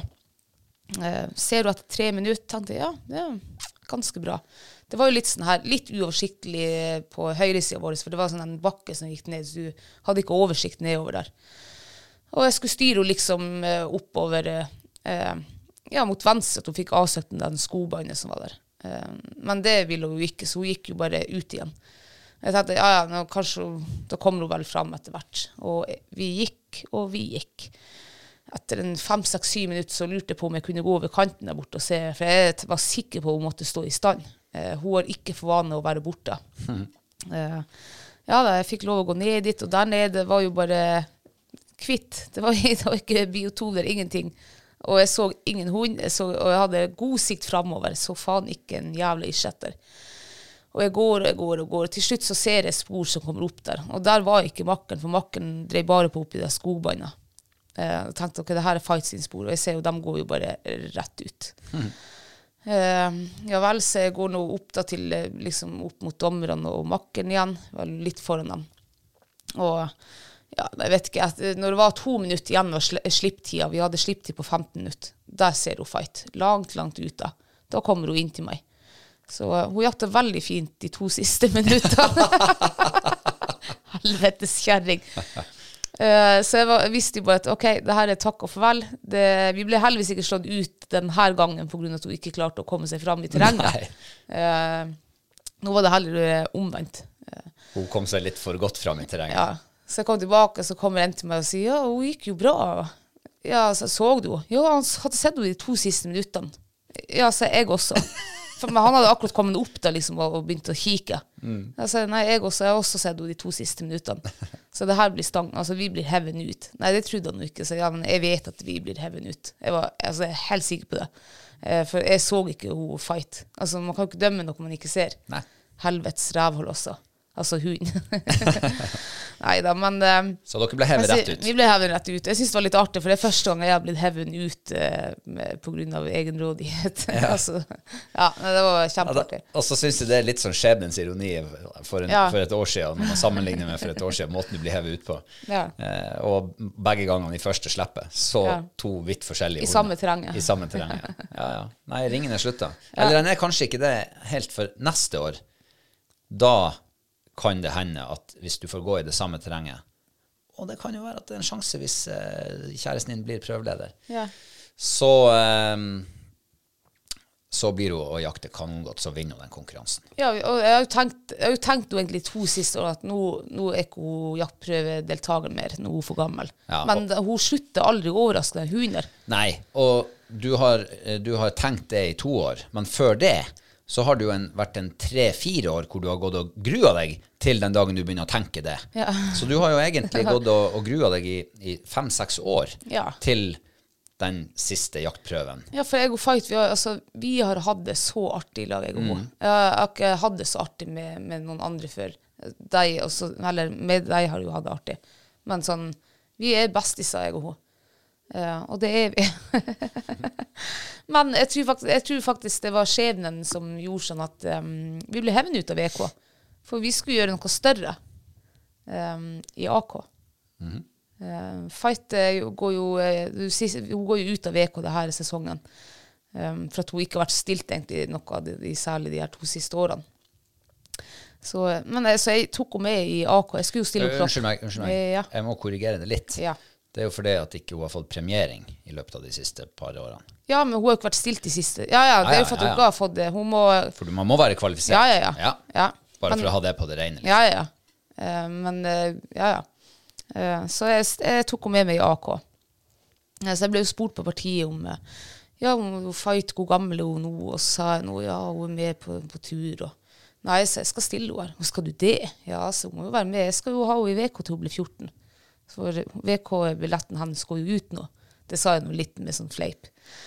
Eh, men eh, Og da var jo kjempetungt før, da. så jeg hadde jo ikke trua. Eh, men jeg tenkte det blir jo artig å stille Klopp, da. Hun hadde visst mye sprut i dagen før. Og hun, det var samme terrenget som Klopp gikk, og det var veldig tungt føre der. Um, Klopp var det veldig lite sprut i. Og jeg tror hun hadde gått seg mye tom dagen før. Sant? Det er mye inntrykk for den, den unge hunden. Det var første gang hun har vært på jaktprøve med, med fremmed fører og med makker og med, med mye fugl den dagen. Og ja, jeg tror det var mye som hadde mye inntrykk å, å ta inn over seg. Og så var det jo tungt føre, selvfølgelig. Så hun var egentlig ikke hun, Men det som er, hun fikk en veldig god kritikk, så jeg er jo sikkert Det er veldig lenge siden jeg har gått i UK. Eh, Jeg har nok kanskje litt høyere krav eh, til mine hunder enn det det burde være, tenker jeg. Um, så jeg går jo også og småstresser litt når jeg slipper å kloppe ut, og, og jeg føler at det der var jo vel ikke så bra, og så begynner jeg å stresse inni meg. Uh, og det, Og det merker jo hun. Det merker hun nok sikkert, ja. Ja, det har du sagt at jeg merker. Ja, jeg tror, jeg tror nok hun merker- Det var kanskje derfor også hun gikk så jævlig godt med en fremmed mann. For at han bryr seg ikke hvordan det går med den hunden. Han trenger ikke å stresse og være nervøs. Og, um, ja, så hun gikk jo, når hun gikk, så gikk hun veldig fint. Og, og jeg synes faktisk det, hun, begynte, hun gikk seg jo tom egentlig for hvert slipp. Men det siste slippet hun hadde, da gikk hun faktisk best, syns jeg. Da var det mye bedre intensitet, og til det plutselig bare så stopp igjen. Um, men i hvert fall, så hun fight. Eh, Klopp kom aldri noe fugl, så det ble ikke premiering der. Men hun Fight hun eh, slapp ut i første slippet. Eh, ja, går, vi, vi er ganske høyt oppe i ei sånn si, og jeg ser jo det er litt tungt for henne. Eh, men hun spruter nå ut, og hun er jo veldig glad i å klatre etter fjellrype. Og det kakler jo noe fjellrype opp i sida der. Det er, det er bensin på bålet til hun Fight. Det er bensin på bålet til hun Fight. og Hun er veldig glad i fjellryper. Eh, Så hun eh, slår seg fint ut i sånn det var, Vi gikk i sånn med sidevindsøk. Um, går opp og blir litt borte bak en sånn bekkedrag, og så kommer hun tilbake igjen i den bekkedragen der. Eh, ned mot meg, og jeg, jeg følte at hun gikk ikke hun, kom, hun skulle egentlig vært litt høyere opp i terrenget. Det var jo svinbratt der, var det. Um, så jeg fører henne liksom litt opp, og hun er jo ikke tung å be når jeg fører henne oppover i fjellet. Så hun går opp der, uh, kanskje jeg vet ikke hvor, 150 meter ifra meg, der plutselig så bare hiver hun seg rundt i 90 grader.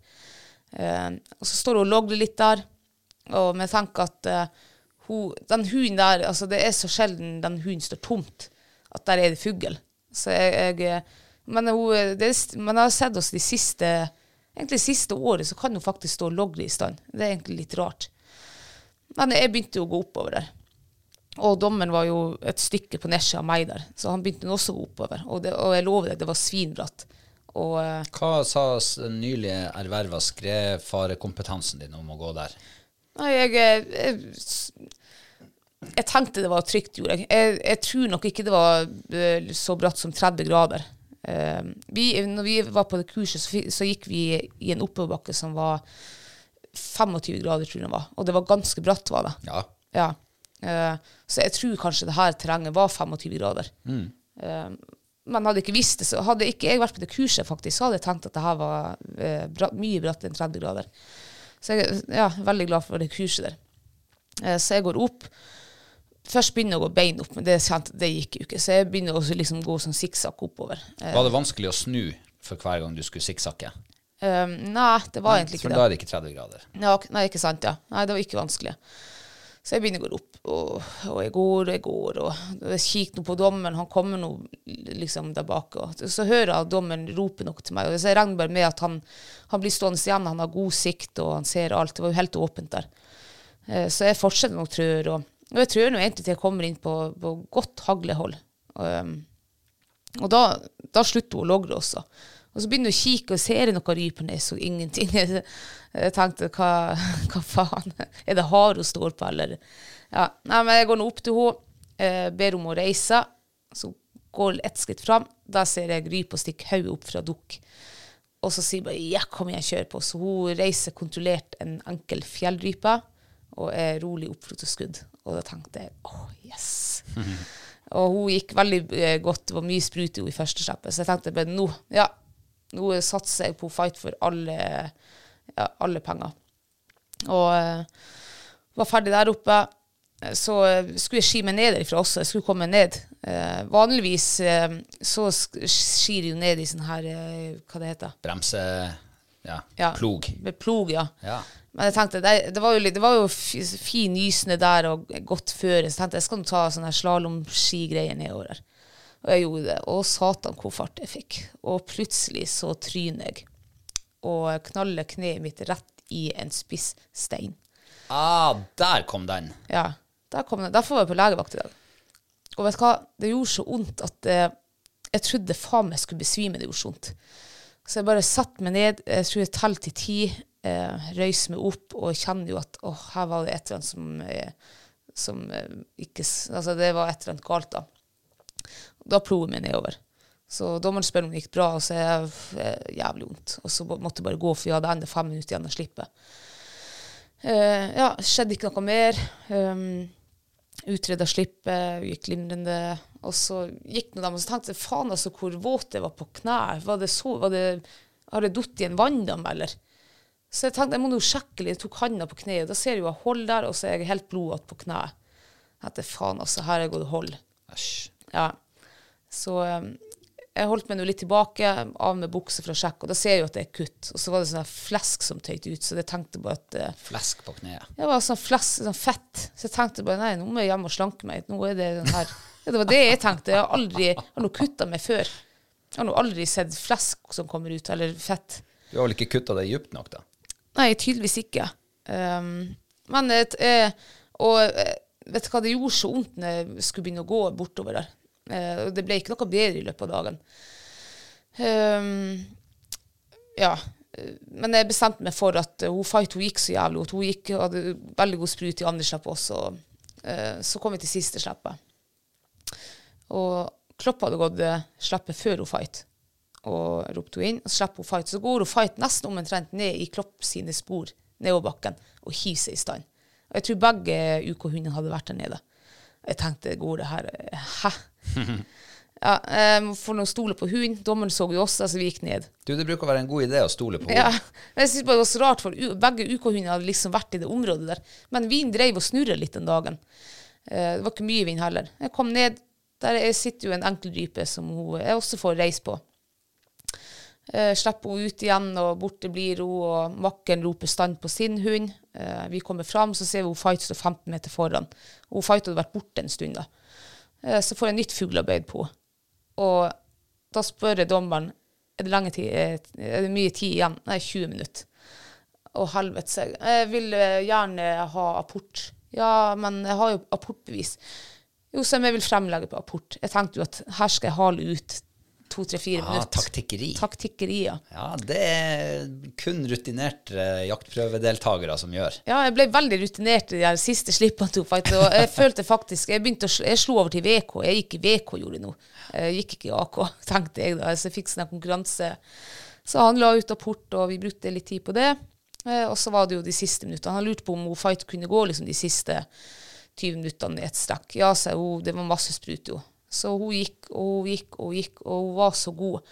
Og de ti siste minuttene så ser hun drar ut i et helvetes altså, månelandskap.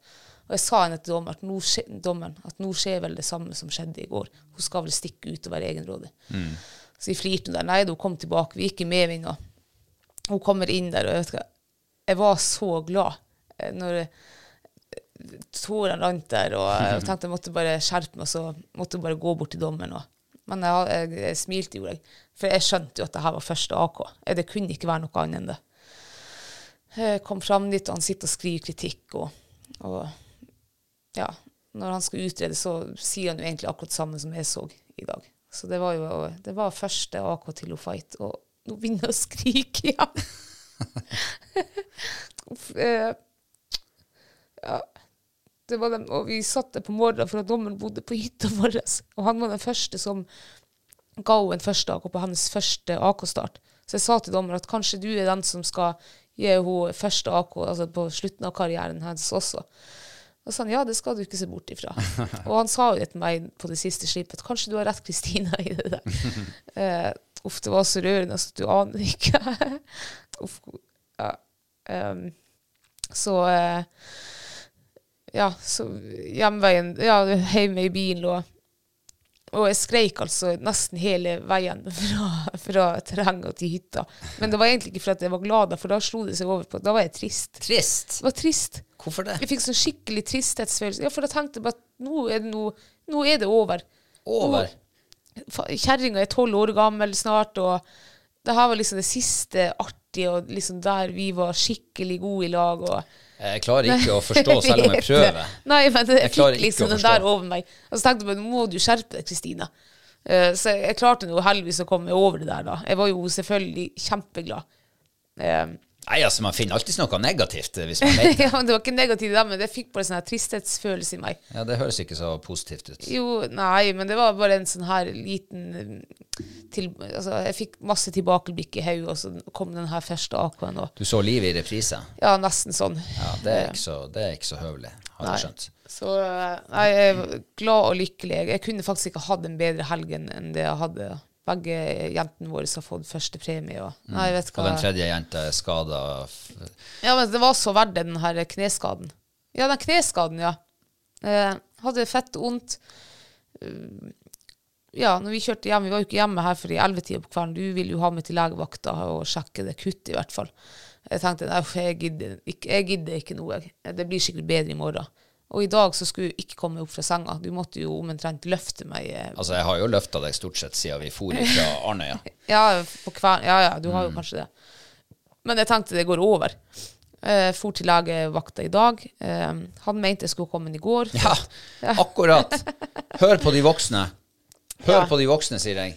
Ja, nei, jeg sa til jeg hadde kommet i går, hadde det ikke vært for at jeg hadde så legeskrekk. Men jeg, så de kan gå og sjekke i boka der på Sandnetun. Eh, Det er stort sett akuttimer hun Kristine Tybo Hansen har ringt inn. Um, ja, så han fikk noe han fikk noe revet, og det fettvevet der, det var jo for at det var et djupere sår, det var ikke overfladisk. Um, og så var det på kneet, og, og så han, han måtte jo sy det der. Ja, Det store spørsmålet er jo Ja. Ryker NM nå? Jeg håper jo ikke det. Han sa jo For jeg var jo, det der kuttet var jo ikke jeg så jævlig interessert i. Jeg tenkte jo bare det var som et sår. Jeg var mest interessert i at jeg hadde så helvetes vondt i foten at jeg klarer nesten ikke å bevege på det. Men han mente at det var pga. at eh, kneet var hovent og forslått, så etter en par dager så ville det bli bedre. Så jeg tror det blir NM i år, ja. Heldigvis. For det var jeg faktisk litt bekymra for i går, at den skulle ryke. Og apropos NM, så uh, i går uh, og på lørdag så var jeg faktisk veldig usikker på om jeg i det hele tatt skulle stille på henne. Ja, For du har jo også vært ute i marka. Vært ute i marka, og jeg har jo sett virkelig fram til den helga her. Den har jeg gått og gleda meg til lenge. Eh, for jeg skulle stille han Reborn. Og Ja. han har jo jakta som en gud i hele vinter. Han har vært kanoner. Han har altså vært så stødig og så god, og særlig da vi knakk denne koden ute på Arnøya sist vi var der, da vi hadde treningshelg. Ja. Siden da har han altså vært helt fantastisk. Eh, og jeg, så, jeg hadde så store forhåpninger til denne helga. Ja. Starte i VK på lørdag. I Altså, når vi våkna på lørdagsmorgen, det var helt kvitt på yttersida. Det fauk ifra Ja. overalt. Det var et himla uvær. Det var ikke orkan, det var kuling. Jeg tenkte jo hvordan i all verden skal denne dagen bli? Skal vi drive og klamre oss fast i trær, hvis det er trær der vi skal gå? Ja. Men eh, kommer oss ut i terrenget, altså på oppropet, så kommer solskinnet fram. ja, det var helt sprøtt. Litt kald vind var det, litt surt sånn, men det var, det var i hvert fall sol. Og når vi kommer til terrenget, svinger inn i den lille vika der eh, det heter Arnøyhamn, så er det altså blank stilla idet vi kommer ut av bilen. Ja. Sola steiker fra så å si skyfri himmel, og det var så ordentlig påskestemning. Folk var liksom sånn her What? Hva traff oss her? Ja. Det var ikke varsla så bra vær. Nei. Og vi starta å gå. Eh, vi hadde første slippet. Ja. Og altså Det var helt kroken på døra. Rullegardin ned på, på hunden. Ja. Jeg kjente ikke hunden igjen. Han var helt borte. Eh, det, det var liksom ikke Det var ikke den kontakten som han hadde hatt. Nei. Det var et eller annet seriøst som var galt. Han var kanskje ikke helt borte. Jeg tok nok litt, litt hardt i. Ja. Ja. Nei da, altså, det var bra fart i han, det var det. Men eh, han, eh, han eh, Unnskyld, jeg lyver nå. For nå Ja, blander jeg med søndagen. For lørdagen så ja, da, for lørdagen var han ikke sånn. Nei, han var ikke det. Han bare Han, han jakta faktisk eh, ganske bra, da. Ja. Eh, men eh, når han kom ned igjen, så og første slippet var over, så ble vi jo kasta på haug og ræva ut. Ja. For dommeren mente at vi hadde Det, det var helt ensidig søk han hadde. Mm. Uh, og idet jeg liksom gikk bakover i partiet, jeg, jeg tenkte at uh, det traff meg litt hardt, faktisk. Ja. Jeg kjente at uh, Hæ? Det var, det var ikke søk. Det var ikke, han revierte ikke. Ja, jeg tenkte jeg, Da har nå bare vi oppfatta det forskjellig. For jeg syns det var veldig bra jaktlig søk han Ja. hadde. Det var jo sånn vi gikk og jakta der ute sist, sist vi var der. Ja. Opp i skogbåndet, og så jo at han, både han og makkeren han var jo på nøyaktig samme plass. Drog og jobba, liksom arbeidet seg sakte oppover i terrenget der. Mm. Var sikker på at der er det fugl. Eh, det var jo en rype som var i lufta der, på et, eh, på, helt på slutten av slippet. Det var ingen som så hvor den kom fra. Så de belasta ingen av hundene for det. Men begge hundene ble altså hevet rett ut. Ja. Eh, og når jeg hadde liksom bare erkjent og innsett nederlaget, tenkte jeg nei, da går jeg hjem, da. Ja. Eh, Nå var det bare første slippet. Vi er kommet oss 300 meter fra bilen. Nei, da går jeg hjem igjen. Og så treffer jeg jo på en gammel ringrev, en gammel nestor, Ja. han Ottar Remmen. Så sier han ja, Robert, det der var klassisk førerfeil. Ja. Ja, så tenkte jeg det var det jo. For jeg skulle ha styrt han ned derifra. ja. Du skulle latt han holde på så lenge der oppe. Nei, jeg skulle ikke det. Men jeg, jeg, det slo meg aldri at det liksom Der måtte jeg få han ned fra. For jeg var så sikker på at det, hvis han bare får gjøre seg ferdig der, så finner han den fuglen eller de fuglene som er der. Ja. For både han og den andre hunden de gikk liksom side om side oppover med en 20-30 meters mellomrom. Ja. Tråkla seg opp gjennom skogen og brukte tid der oppe. Det var ganske tungt føre der også. Ja, oppe i skogen var det nok litt tungt føre. Ja, det var litt tungt føre for så vidt overalt. Det, hadde, det var en del snø. Um, så, så det var litt sånn slag i trynet med det samme. Ja. Um, Men det er jo en huskeregel i VK. Mm. Og det er jo at Først første slippet, tenk, tenk å vise fram hunden din. Søk, ja. Mm. Eh, og så, og det er det viktige. Det tenker jeg på hele tida. Så der er jeg ganske drilla og prøver å få liksom vist fram. Mm. Selvfølgelig har jo jeg også gjort feil. Eh, men jeg prøver i hvert fall å tenke det. At eh, første slipp, søk. Andre slipp, da kan du begynne liksom å Ja. ja. ja. Og, og det har jeg tenkt etterpå. For det der var Når det da var liksom Jeg svelgte jo skuffelsen ganske fort, Ja, ja. det må jeg si. Eh, han, han som gikk bakerst i partiet, han Kurt, han er jo en særdeles eh, trivelig type, og veldig livete. Så jeg stoppa og pratet litt med han, og, og liksom fikk lufta ut litt. Grann. Og da sa han ja, det var godt at jeg prata med deg, sa han. For da fikk jeg vite liksom eh, hvor lista ligger i dag. ja. For han hadde jo sluppet litt seinere. Eh, og det var det faktisk et par andre også som sa. Og når jeg gikk derfra, så tenkte jeg hm, ja, da har jeg lært noe i dag. ja. Og, og det var liksom det jeg liksom Det var det jeg tok med meg. da. Det, det Mm. hjalp å liksom få rista av den, der, den lille skuffelsen som var der. Den umiddelbare Ja. skuffelsen. Men det er jo greit å ta med det nå rett før NM. Ja, det var det jeg skulle Ja. si, at, at eh, nå er det en, noen få dager til NM. Mm. Og hadde jeg ikke fått denne erfaringa nå, Nei. blitt liksom minnet på sånn er det å gå i VK, Mm. Så hadde jeg nok vært dårligere forberedt til NM. Ja. Så det var kjempebra at jeg fikk den der i trynet, og, og virkelig, og det gjorde at jeg liksom kunne reflektere litt mer. Ja. Og når, når en, eh, en gammel ringrev sier at det her var førerfeil, ja, da, da skal man ikke krangle på det. Nei. Da skal man bare Jeg er for så vidt litt enig med han. i dag var jeg ikke god nok. Og eh, i forlengelsen av denne eh, tankerekka mi, Ja. Så, så har jeg også tenkt at er, vi, eller er jeg ute av eh, Nå prøvde jeg å legge litt skylda over på deg òg, kjente jeg. er jeg ute av den der konkurransemodusen? Har jeg ikke Altså, konkurranse er jo Det er litt ferskvare. I hvert fall for meg. Jeg har det ikke i ryggraden. Jeg har ikke holdt på så lenge. ja, men du er jo et konkurransemenneske. Du har Ja. konkurranseinstinkt. Ja, jeg er konkurransemenneske. Jeg har konkurranseinstinkt. Men jeg har ikke vært på jaktprøve på flere år. Nei, nei. Sant? Jeg har vært på én jaktprøve kanskje siden i 2019. For tre år siden. Ja. Og det var på Arnøyprøven i fjor. Ja. Og det er klart at det jeg kunne, og alle, alt det jeg gikk og tenkte på hele tida på jaktprøven i Sleppet Ja. for tre år siden, det er ikke der nå. Nei. Jeg tenker ikke som om jeg er på jaktprøve. Jeg gikk og tenkte som at jeg var på jakt. Ja. Og akkurat sånn som, vi, sånn som han jakta da, det jakta han for en måned siden når vi var og trente der ute. Ja. Og fant masse fugl. Mm. Vi fant jo fugl hele tida oppi der. Eh, så den der kalddusjen der var egentlig kjempeviktig for å bare få skrudd hodet litt inn mot konkurransesituasjonen igjen. Og bare være oppmerksom på hva kommer til å møte meg på Andøya, mm. der NM går. Så det var, det var lesson learned for min del, og det var det viktigste jeg tok med meg fra den dagen. Ja. Eh, og søndagen så skulle vi ut på nytt. Eh, og da var vi jo i det terrenget som du gikk dagen før. Ja. Eh, da var det jo, da var vi ute av VK, over i AK. For det er jo også Reborn sin siste sesong i VK nå. Ja. Så det, enten er man avhengig av en VK-premie eller en første AK. Og jeg tenkte ja vel, da må vi reise kjerringa nå, da. Så må vi få oss en første AK og sikre oss liksom to år til i VK. Ja. Og da var det rullegardiner. Ja. Så, vet du hva? Vi sto oppe på en brink, eh, og det var sånn her eh, stor slette ned til høyre for oss, med litt sånn spredt eh, kratt og vegetasjon nedover, Ja. i flere hundre meter. Mange, mange, mange, mange hundre meter. Og han bare ned bakken, utover eh, sletta der, og så kommer det en sånn vindko som tar med seg litt snøfokk. Så jeg mister han. Jeg ser han ikke. Nei. Jeg tror han må ha vært en 600-700 meter ut.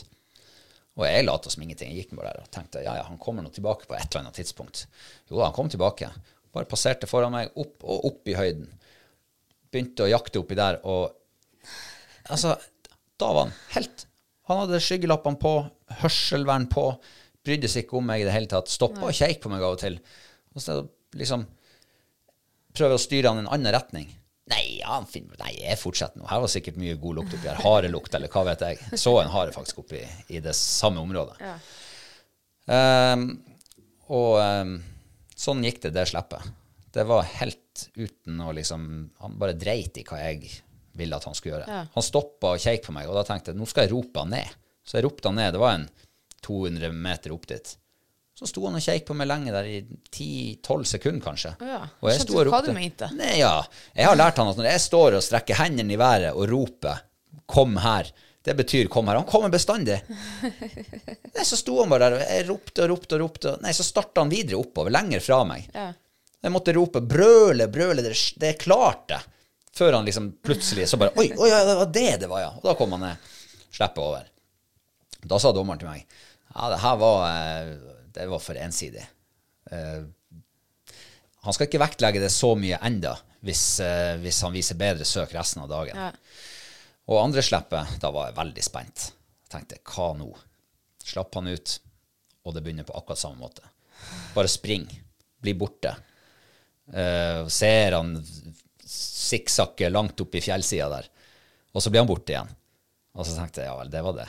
nå blir vi bare sparka ut herifra. Ja. Og så plutselig, sånn midtveis i slippet, så finner han ut at ja, nå skal han jakte med meg. Da kommer han inn til meg, og da sender han nedover imot elvegropa der liksom, og følger elva oppover. Der var det eneste vegetasjonen i mils omkrets nesten. Da jakta han knallbra oh, ja. resten av det slippet. Kjempebra. Det bemerka dommeren etter slippet. Ja, det er- ja, vi skal ikke utelukke, liksom Skal ikke utelukke alt her. Nei. Siste slippet blir han borte for meg igjen. Ja. Jakt i relativt sterk medvind. Mister han etter mindre enn ett minutt. Ja. Da ser han ikke mer. Og vi går framover, og dommeren sier ja, men her, har han, her nede er det fugl. Jeg er sikker på han har begynt å jobbe seg tilbake mot oss. Ja. Under kanten her. Der står han nok helt sikkert. Nysj. Søkk borte. Jeg finner han på andre sida av elva. Ja. Han har kryssa elva en eller annen plass. Og det ser ut som han bare er og springer og herjer der borte. Og så kommer han inn igjen etter en stund, og så sender han oppover, og borte blir han. Og altså, jeg så nesten ikke i det slippet. Så begynner jeg å tenke at jeg må gå opp og se, da. Hva står han der oppe? Så sier dommeren, hvorfor går du dit? Han er jo ikke der. Han er, han er jo på andre sida. Han er lenger, han er der borte. Så jeg gikk dit. Der står han i stand. Og jeg går fram. Dommeren, ja, han blir med. Og ber om reise, og han reiser kontrollert. Reise og reise og reise og reise. Og det kommer ingen fugl. Før han plutselig bare nei, utreder, liksom. Ja. Begynner å springe igjen. Nei, da tok han med meg. Ja. Og dommeren eh, sendte oss hjem. Og da, hadde han vært og jaga fugl. Eller ikke jaga, han hadde ikke forbrøttet seg, han hadde ikke sprunget etter. Men det, han hadde kjørt fugl opp og flere ganger. Han hadde Det er så rart, egentlig. Men det, det måtte vært noe skikkelig galt i hodet hvis det er tilfelle at han har kjørt mye fugl opp. Ja. For han gjør jo ikke det. Nei, han gjør jo ikke det. Eller kjø, hvis han hadde kjørt fugl opp, det går jo ikke an, for da skulle dommeren ha hevet dere ut for lenge siden. Nei, hvis men han han- hadde gjort det. Ja, men han hadde, hvis han har eh, Jeg vet ikke hva som har skjedd, for jeg så ikke det. Ja, da må han ha støkk og, sotte seg. Ja, han, sa- det sa det, Nei, det går jo an. Han Han har, har han har, han har, han har støkka, og han har respektert det. Ja. Så han har ikke sprunget etter. Så han, har- Og- han har ikke herja med fugl, da? Nei, han hadde ikke herja. Nei, nei, for da hadde han vært Eh, hevet ut ja, ja. før. Men uh, dommeren sa at jeg har notert, eller jeg har registrert fem sjanser på fugl. Og, og jeg har vært snill, sa han.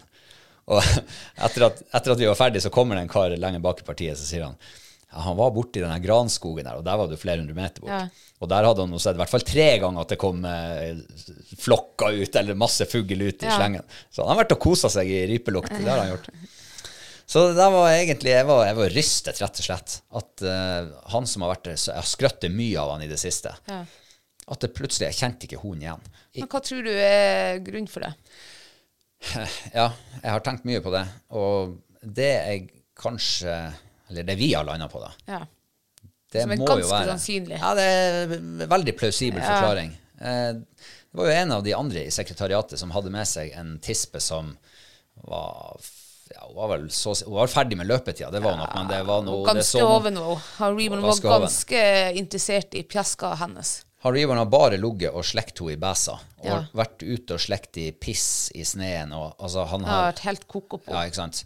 Så jeg velger å tro at det er det som har satt han ut av spill. Ja. Jeg tror nesten det må være det. Han var jo litt sånn som når Klopp hadde løpt i, men her inne Han får ikke lov å herje sånn her med, med våre hund og her i vårt hus og sånn. Mm. Eh, Men han hadde samme liksom eh, taktene da. Ja, og da, da er vel det vi, vi setter to streker under det svaret. Ja. Og så håper jeg bare at, det, at han får ut det der av hodet sitt igjen Mm. til fredag. Ja, det tror jeg. For da begynner NM. Mm. Så da gjelder det å ha både mitt hode og hans hode på rett plass. Men han sier jo en dårlig eh, eh, Generalprøve. generalprøve. Det er ofte ender ofte godt på den virkelige prøven. Ja, det sies så. Uh, får vi håpe at gamle ordtak funker fortsatt. Ja. Jeg kan bare si en ting. Hun eh, stilte fight i, eh, for mange år siden. Vi var kvalifisert til NM-lag. Så skulle jeg stille henne på uka før, bare for å få flere poeng. da. Vi ble hevet ut av VK pga. at hun var helt rar. Hun støkka. og så tenkte jeg send om Johanne da i AK, for jeg stilte jo hennes hund i VK. Den hadde kommet videre. Så Johanne gikk med henne fight i AK da. Søndagen før NM-lag torsdag. Ja. Og hun fight. Johanne hadde ikke kjent en hund igjen. Hun bare gikk stykker. Hun støkka fugl, og så bare «Oi, skal jeg he- Og her var fugl. Og, og så sto makker. Hun fight liksom gikk opp til makker, støkka den fuglen og satte seg ned. Og, så Johanne måtte bare si at det her er ikke min hund. Og så hun, hun ble rett og slett flau over den hunden. Hun gikk bare og støkka den dagen. Ja. Jeg husker jo når vi skulle opp til NM, jeg var, eh, jeg var supernervøs.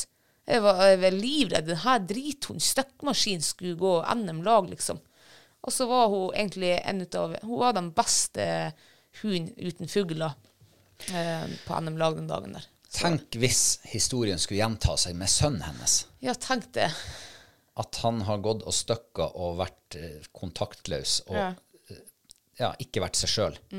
Søndagen før NM starter. Ikke sant? Det har jo også sønnen. Og så Ja. blir han beste Ja, det hadde vært rått. Ja. Det hadde vært rått. Så, uh... Men eh, jeg må si at jeg var rimelig demotivert når jeg gikk eh, hjem derifra. Fra der vi avslutta og tilbake til hytta, så var det sikkert en par kilometer å gå. Ja. Og jeg var litt sånn betutta inni meg. Ja, for jeg tenkte at hvordan skal det her gå? Og når jeg kom tilbake til hytta, og da, da måtte jeg jeg, det, jeg sa bare at hva som hadde skjedd, og sa jeg jeg er noe jeg faktisk veldig i tvil om jeg i det hele er det vits å fære dit. Men da var det før jeg hadde begynt å få reflektert over det her, Mm. og at vi har kunnet diskutert da, liksom, hva er det som gjorde det der. Mm. At, at hun skulle bli så eh, så annerledes på et par dager. Ja. Og um, det kan jo være at lørdagen det, Selvfølgelig det var min feil, men, men eh, han har ikke brukt å gjøre sånn heller i, i, i den grad. Nei. Så kanskje at det så vidt hadde begynt å liksom påvirke han, men det hadde liksom ikke fått slått ut i full blomst Nei. før på søndag. Så eh, nei, det blir spennende. Nei, men eh, det har jo vært en artig helg, da.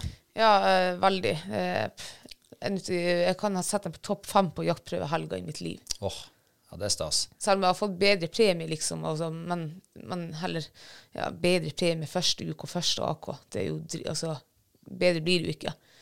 Nei, det er jo vanskeligere å få første AK enn første VK. Nei, men, tenkte, men da tenkte jeg eh, jaktprøve under alt. Ja, sånn, ja. Um, Ja, ja, ja. ja, men det er topp fem, altså. ja, det var veldig stas. Opplevelse. Um, og så må jeg bare si at um, fra og med nå i helga så har jeg eh, enorm respekt for dem som arrangerer jaktprøve. Ja, jeg også. Dæven, for en jobb dere gjør. Det er mye arbeid, Ja.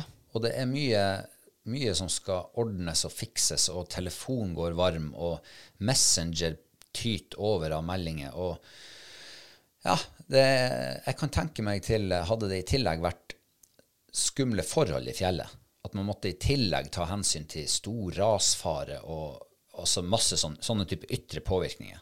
Nå kunne vi på en måte eh, konsentrere oss om å gjennomføre arrangementet. Det var ikke overhengende skredfare. Det var liksom på en måte normale forhold. Um, og det letta nok jobben litt. Men eh, jeg må si at jeg har lært masse. Det har vært en utrolig bratt læringskurve. Um, at det skulle være så krevende, det, altså sånn mentalt, det hadde ikke jeg sett for meg. Nei. Jeg var ganske sliten i går når vi kom hjem. Ja, det var vi to også. Men litt sånn godsliten, lykkelig sliten, Ja. det må jeg si. Det var veldig I dag når jeg har fått, liksom en, jeg har fått en natt å sove på Det er lenge siden jeg har sovet så godt som i natt, forresten. så, så på slutten av dagen i går, når folk begynte å komme inn i sekretariatet og hente premiene sine, og folk var lykkelige, folk smilte og syntes det hadde vært en fin helg, da kjente jeg at eh, ja, det, det var verdt det. Det var verdt det. Hvis man eh, Ja, man må bare glemme hvor sliten man var fram til neste gang. Skal du være prøveleder neste år? Det vet jeg ikke. Det får vi se. Det er ikke jeg som bestemmer det. Eh, ja. Det var sånn i korte trekk. Siste to ukene. Ja. Det, det blir plutselig det, det, Jeg er glad vi har podkast hver mandag til vanlig. Ikke annenhver uke, nei. Ikke annenhver uke.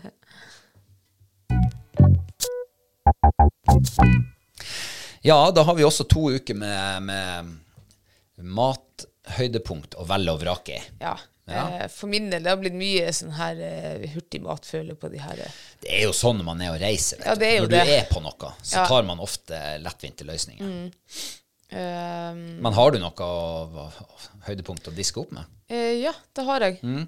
Johanne hun laga gourmetmåltid til meg når jeg kom Ja, ikke på fredag, på lørdagen. Eh, da tok hun opp eh, hjort fra fryseren. Å, eh, sjølskutt. Selvfølgelig. Sjølskutt, ja. Det sto ytrefilet på pakken. Eh, hun, ja, så lagde hun en sånn her eh, vin, kjempeenkel vin egentlig, med noe sånn du- brune sukker til at det skal karamellisere seg, og, og rødvin og Så vinkaramell, på en måte. ja, så noe sopp og løk og øh, Var det pote, potet. Potet. Var det potet?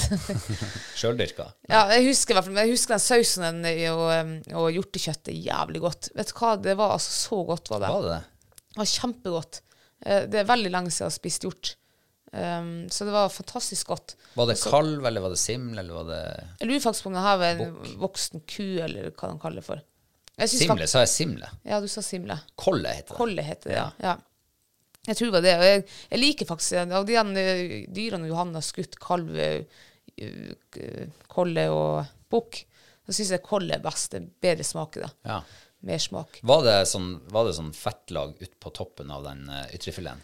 Ja. Eller er det veldig magert? Ja, det, altså vilt er jo Eller ja, reinene er jo feit her nordpå. Nei, jeg vet ikke. Det var ikke sånn en skikkelig fett eh, Nei. det Kanskje var en sånn tidlig eh, bukk Nei, kolle.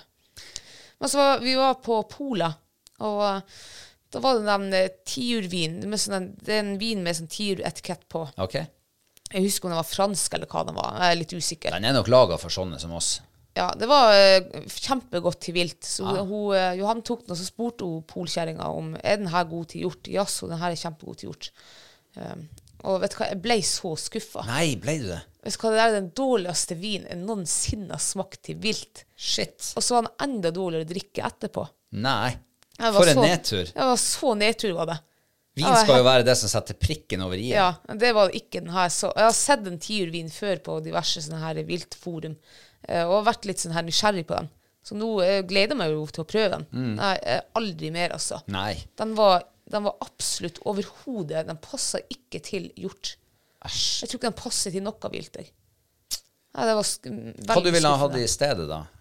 Ja, jeg kjøpte jo en elkåte, eh, for vi skulle jo lage lam med dagen etterpå. Ja. Den hadde nok passa mye bedre, så jeg angrer litt at jeg ikke åpna den flaska til den maten der. Ja. Men jeg ville jo ha tatt en sånn her uh, Chateau de Pas.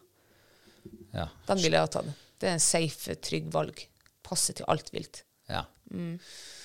Men kanskje den der uh, tiurvinen ikke passer til eh, mildt hjortekjøtt? Kanskje det blir for eh, Det blir ikke helt harmoni der. Det var, det var ganske mye smak i det hjortekjøttet. Nei, Ja. jeg aner ikke. Hun sa det passa til alt vilt. Ja, det blir som helårsdekk, det.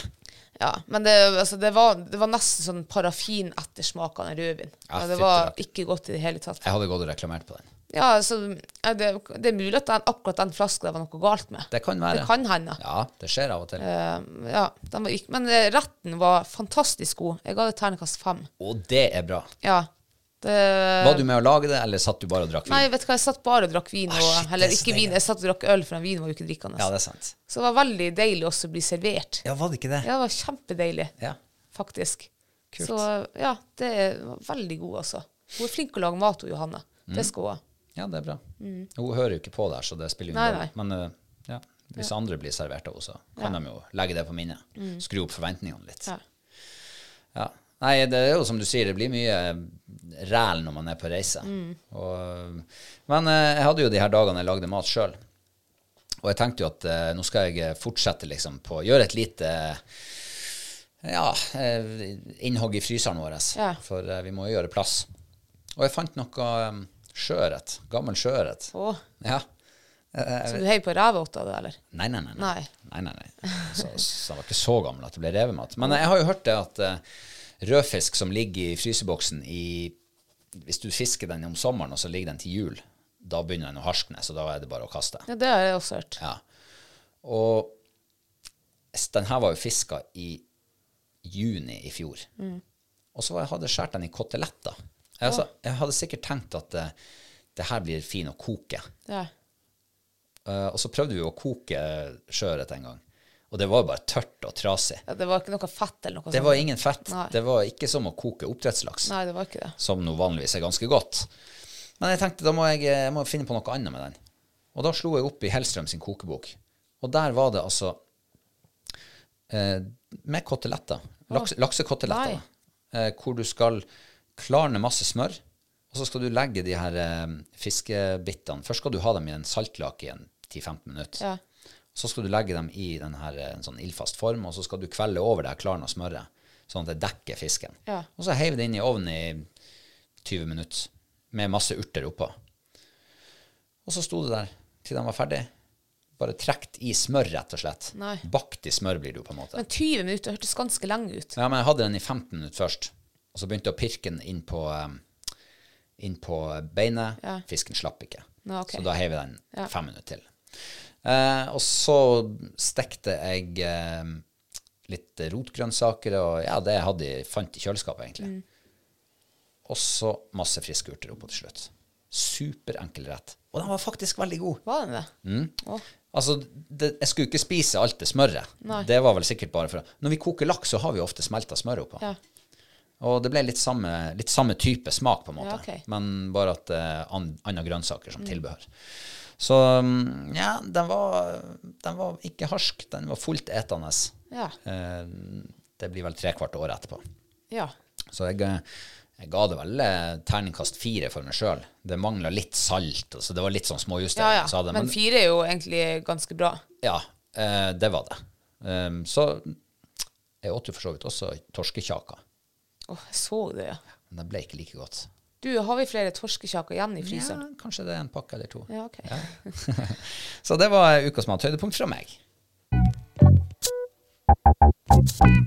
Ja, Kristine, vi har jo um, Vi har jo fått um, fått oss uh, noen nye patrons som vi tenker å ønske velkommen. Og um, jeg kan jo begynne med, med en som det, det, Jeg vet hvem det er. Han heter Håkon Dyrstad. Ja, ok. Ja, da, det klinger jo. Ja, Veldig. veldig. Vi hadde jo en Dyrstad her eh, for to uker siden. Eller, For- nei, forrige uke. Forrige uke, forrige mandag. Ja. Mm. Som uh, Han Ola Dyrstad. han Ola Dyrstad. Så Ja, det, han må jo være sønnen hans. Det er sønnen hans. Han er jo uh, sambygding med oss. Ja. Og han er fra Strømfjorden. Ja. Ja, Er han ikke det? ja det, jeg tror han er fra Tangen. Ja. Ja. Eh, og det er jo litt artig å se kjentfolk også her. Ja, ja, ja, kjempeartig. Nå har jeg tror jeg aldri har prata med han, Nei. men eh, det er jo sånn på små plasser så, så vet man jo hvem folk er. Mm. Og hadde det ikke vært for navnet, så hadde jeg trodd han var revejeger, for han har et reveprofilbilde. Og så hadde jeg gjetta at han var fra Kongsvinger. men Så jeg sier Strømfjorden. Ja, da sier jeg også Strømfjorden. Gjør du det? Ja, så jeg, har jo, jeg vet jo hvor de er vokst opp hen. Jeg tror det er Strømfjorden ute på Tangen, ja. Ja, ja, da tipper du det, da. Ja. Så tipper jeg det. Og så tror jeg at vi skårer et poeng. jeg sier han er fra Nordreisa, da. OK. Da, ja, OK. Det er jo same, same. Ja, kanskje det blir ett poeng til meg og et halvt Nei, poeng men da sier jeg. Strømfjorden. Da sier du Ja, ja, da sier jeg Strømfjorden. Ja, ja. Men det er litt kult. Eh, og Håkon, jeg vet jo ikke fasiten. Ta noe og Fortell oss akkurat hvor du er fra. Hvor er barndomshjemmet ditt? Ja. Så, så ser vi om det blir Strømfjorden eller Storslett, eksempel. Ja. Ja. Neste. Neste han Sivert Nessemo. Um, Ja. Nessemo. Jeg, fikk, jeg, vet jeg får så mye trøndervibes, altså. Gjør du det? Ja, så har jeg jo vært nede i Dombås nå, eh, som er De, de prater noe trønders, eller sånn der Ja, er Dombås. Trøndelag? Nei, det er jo ikke det. Er det ikke det? Nei, de prater litt sånn her blanda Ja, for du er på andre sida av Dovre, da? Ja. Ja. Det var litt sånn blanda mellom Jeg trodde, En trodde det var trønder, men det var han ikke. Han var noe fra Hvor i Helgeland Det var en plass der på eh, Innlandet eller Vestland, eller hvor det var.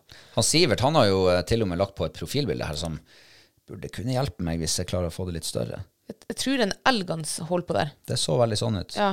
Jeg ser hvite føtter. Er det barskog i bakgrunnen? I, nei, det er da? Ikke det furu? Nei, kanskje det er barskog. Det Er da så småtte bilder? Barskog er jo furu. Barnåle. Å ja, barskog. Ja, jeg tenkte Du tenkte løvskog. Ja, løvskog. Ja, ja det er elg holder, ja. Ja, er det barskog, eller er det løvskog?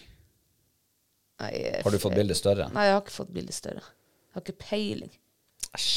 Men Nessemo, elg, elg Det var jo mye elg der nede på eh, liksom, de strekningene mellom Dombås og Vestland. Og det er jo generelt tror jeg, mye elg i Trøndelag, kanskje. Mm. Så jeg tipper faktisk han er fra Trøndelag. Nord-Trøndelag.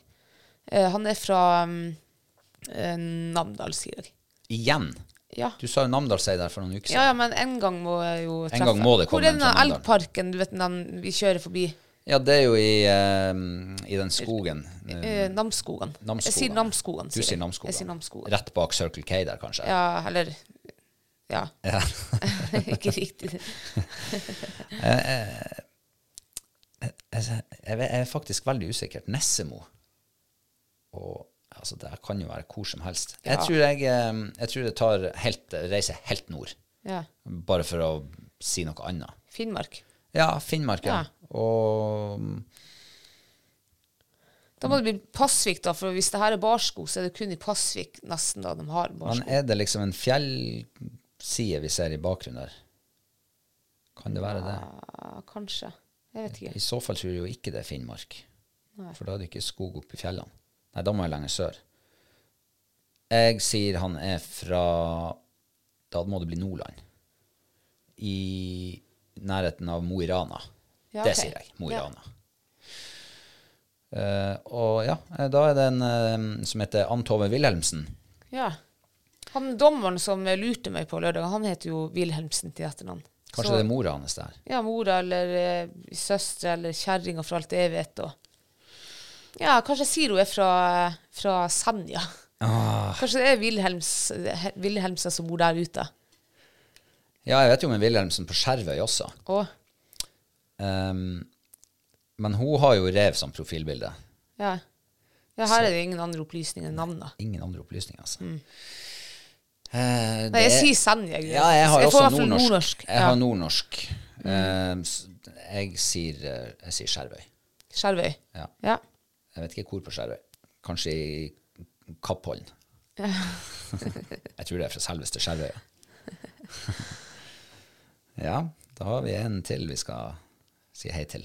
Det har vi, ja. Ja, og det er jo eh, en gammel kjenning. ja. Det er jo min mentor. Din best buddies. Ja, det er han Daniel Larsen. Ja. Det var stas, Daniel. ja, det var jo Den hadde ikke jeg sett komme. Nei, men se han har Gordon setter på profilbildet, så eh, jeg tipper han ville høre den eh, fine episoden med Ola Dyrsteg. Det, Det tror aner jeg. Mm. meg. Det aner meg. Og så får han jo også høre den fine episoden med Carl Petter, som er Ja, de er jo også kompiser. Men du, jeg, jeg kjenner jo ikke han Daniel like godt som du gjør, så kan jeg gjette hvor han er ifra? Ja, ja. Eh, jeg, jeg tipper han er nordfra. Eh, og jeg, jeg vet jo ikke om han er lyngsværing. Jeg vet foreldrene hans bor der, i Furuflaten. Mm. Så jeg sier han er vokst opp på Furuflaten. Men jeg har ikke peiling. Du kjenner han faktisk ikke så godt. Nei. Jeg tipper også Furuflaten. Å ja. Da Indus det det. industribygda Furuflaten. Ja, men da er det Furuflaten, da. Ja, ja. Ja, men da blir det ett poeng. Det er bare som en liten kuriositet til dere som ikke er veldig lokalkjent her oppe i, i Furuflaten. Furuflaten ligger jo i Lyngen. Ja. Og på Furuflaten, der produserer de Cinderella toalett. Altså det som folk har på hytta. Eh, Det er et industrieventyr. ja. Så det var bare en liten tilleggsopplysning. Men det aner meg at vi i hvert fall får oss et par poeng nå, for det står jo 0-0 så langt mellom oss. Ja, det gjør jo det. Det gjør det. Uh, og en annen ting som, har, uh, som faktisk har slått meg, det er jo at uh, det begynner å ry inn litt nye patroner her. Og vi begynner å nærme oss sånn sakte, sakte, sakte, men sikkert det her eh, 100, 100 patron-målet vårt. Ja. Og tenk hvis vi hadde nådd å komme dit før liksom, sjøsesongen er ordentlig i gang. Kunne vi ha sendt ut den her fluestanga, og, eller det settet der, da, Ja. til, til en av de 100, da. Ja, ja for det er altså en, det er snakk om en, en LTS soltstang i klasse 6, Mm. som, som blir eh, Perfekt skjøret og eh, gjeddestang. ja, med snelle og snøre på. Ja. Så det er bare å sette på ei flue og begynne å kaste. Ja, en fortom også først, helst. Ja. Det bruker å, å hjelpe på. um, ja, eh, det var vel det for i dag. Nei, det var det ikke. For vi har jo en eh, ja, Jegertvilling spesial i, um, Giveaway, som vi skal gi bort denne måneden. Yes. Og nå er den signert. Nå er den signert av Johanna. Jeg tok jo med både boka og eh, slukene. Ja, og det er vel ikke bare hun som skal signere dem. Nei, jeg skal også signere dem. Dæsken, det her blir eksklusive greier. Signert kokebok og dobbelt sluksett. Og hengekøye. Hengekøye, Men hengekøya er ikke signert. Nei. For den tok du ikke med deg. Nei, den trenger Det er jo ikke Jeg tror det hadde blitt tullete hvis jeg skulle ligge og kikke ut av hengekøya og så se på den der signaturen deres. Ja, uff, det hadde også blitt Jeg hadde ikke fått sove da. Nei. Man skal jo sove godt i hengekøye. Nei, men eh, det blir jo en, eh, nok en spennende uke, da. Ja. Det Men var- det her trekker vi altså ut for denne måneden. Og Ja, det, det gjør vi. til neste mandag. Det gjør vi til neste. Ja, det skal vi gjøre. Og eh, nå er jaktprøvesesongen i gang, altså. Ja. Jeg kjenner det kribler og krabler og Og vi skal reise med Hurtigruta for første gang. Ja. Eller i hvert fall i lag, da. Mm.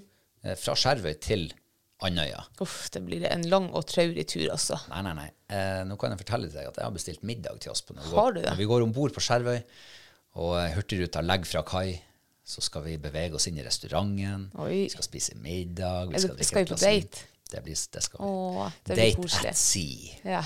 Blir ikke det stas? Det blir stas.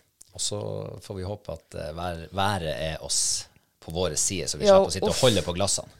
Nå måtte du nevne det også. Ja, det er alltid noe å be- å Ja, bekymre jeg, seg er, over. jeg er redd for sånn her båt i uvær også. Jeg har jo sett så mye sånn her eh, dokumentarer også om båt som brenner og båt som synker. og Uff. Ja. Jeg gruer meg. De fleste båtene flyter, det kan jeg si. Det er liksom båtens eh, ting å gjøre. Den skal flyte, og de, de flyter faktisk, de aller fleste.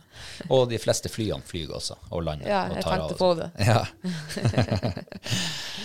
Nei, men um, da, da regner jo med at eh, vi kanskje, eller jeg, jeg håper, jeg regner ikke med, jeg håper at vi kan sitte her om en uke, og så kan vi eh, så har like god følelse som vi har hatt i dag. Ja, ikke sant? Det har vært trivelig, altså. Kanskje vi har eh, gode, i hvert fall gode erfaringer med oss fra, Ja, fra, det er absolutt, ja. fra Andøya. Men jeg tror det blir koselig uansett. Det er så lenge siden jeg har vært på NM nå. Og Vi skal bo i bobil på Ja. et fiskebruk. Herregud, hvor artig det blir. Ja, det blir Ute artig. på Molloen, Ja. ned i havna. Tusen takk for at du har hørt på oss. Og så eh, er vi tilbake om en uke. Takk for i dag. ha en fin uke. Hei hå.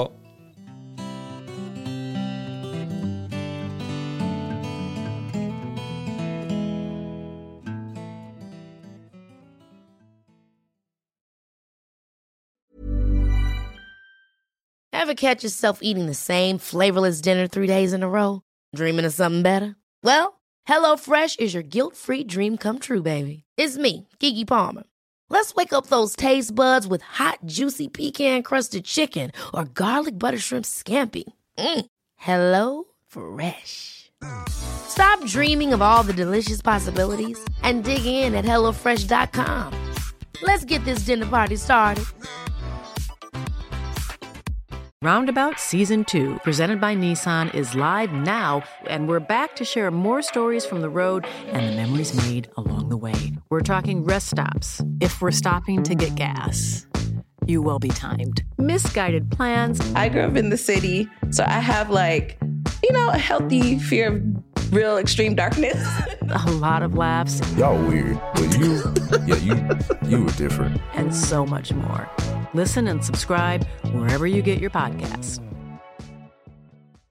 Imagine the softest sheets you've ever felt. Now imagine them getting even softer over time. That's what you'll feel with Bowl and Branch's organic cotton sheets. In a recent customer survey, 96% replied that Bowl and Branch sheets get softer with every wash. Start getting your best night's sleep in these sheets that get softer and softer for years to come. Try their sheets with a 30-night guarantee. Plus, get 15% off your first order at bowlandbranch.com. Code BUTTERY. Exclusions apply. See site for details.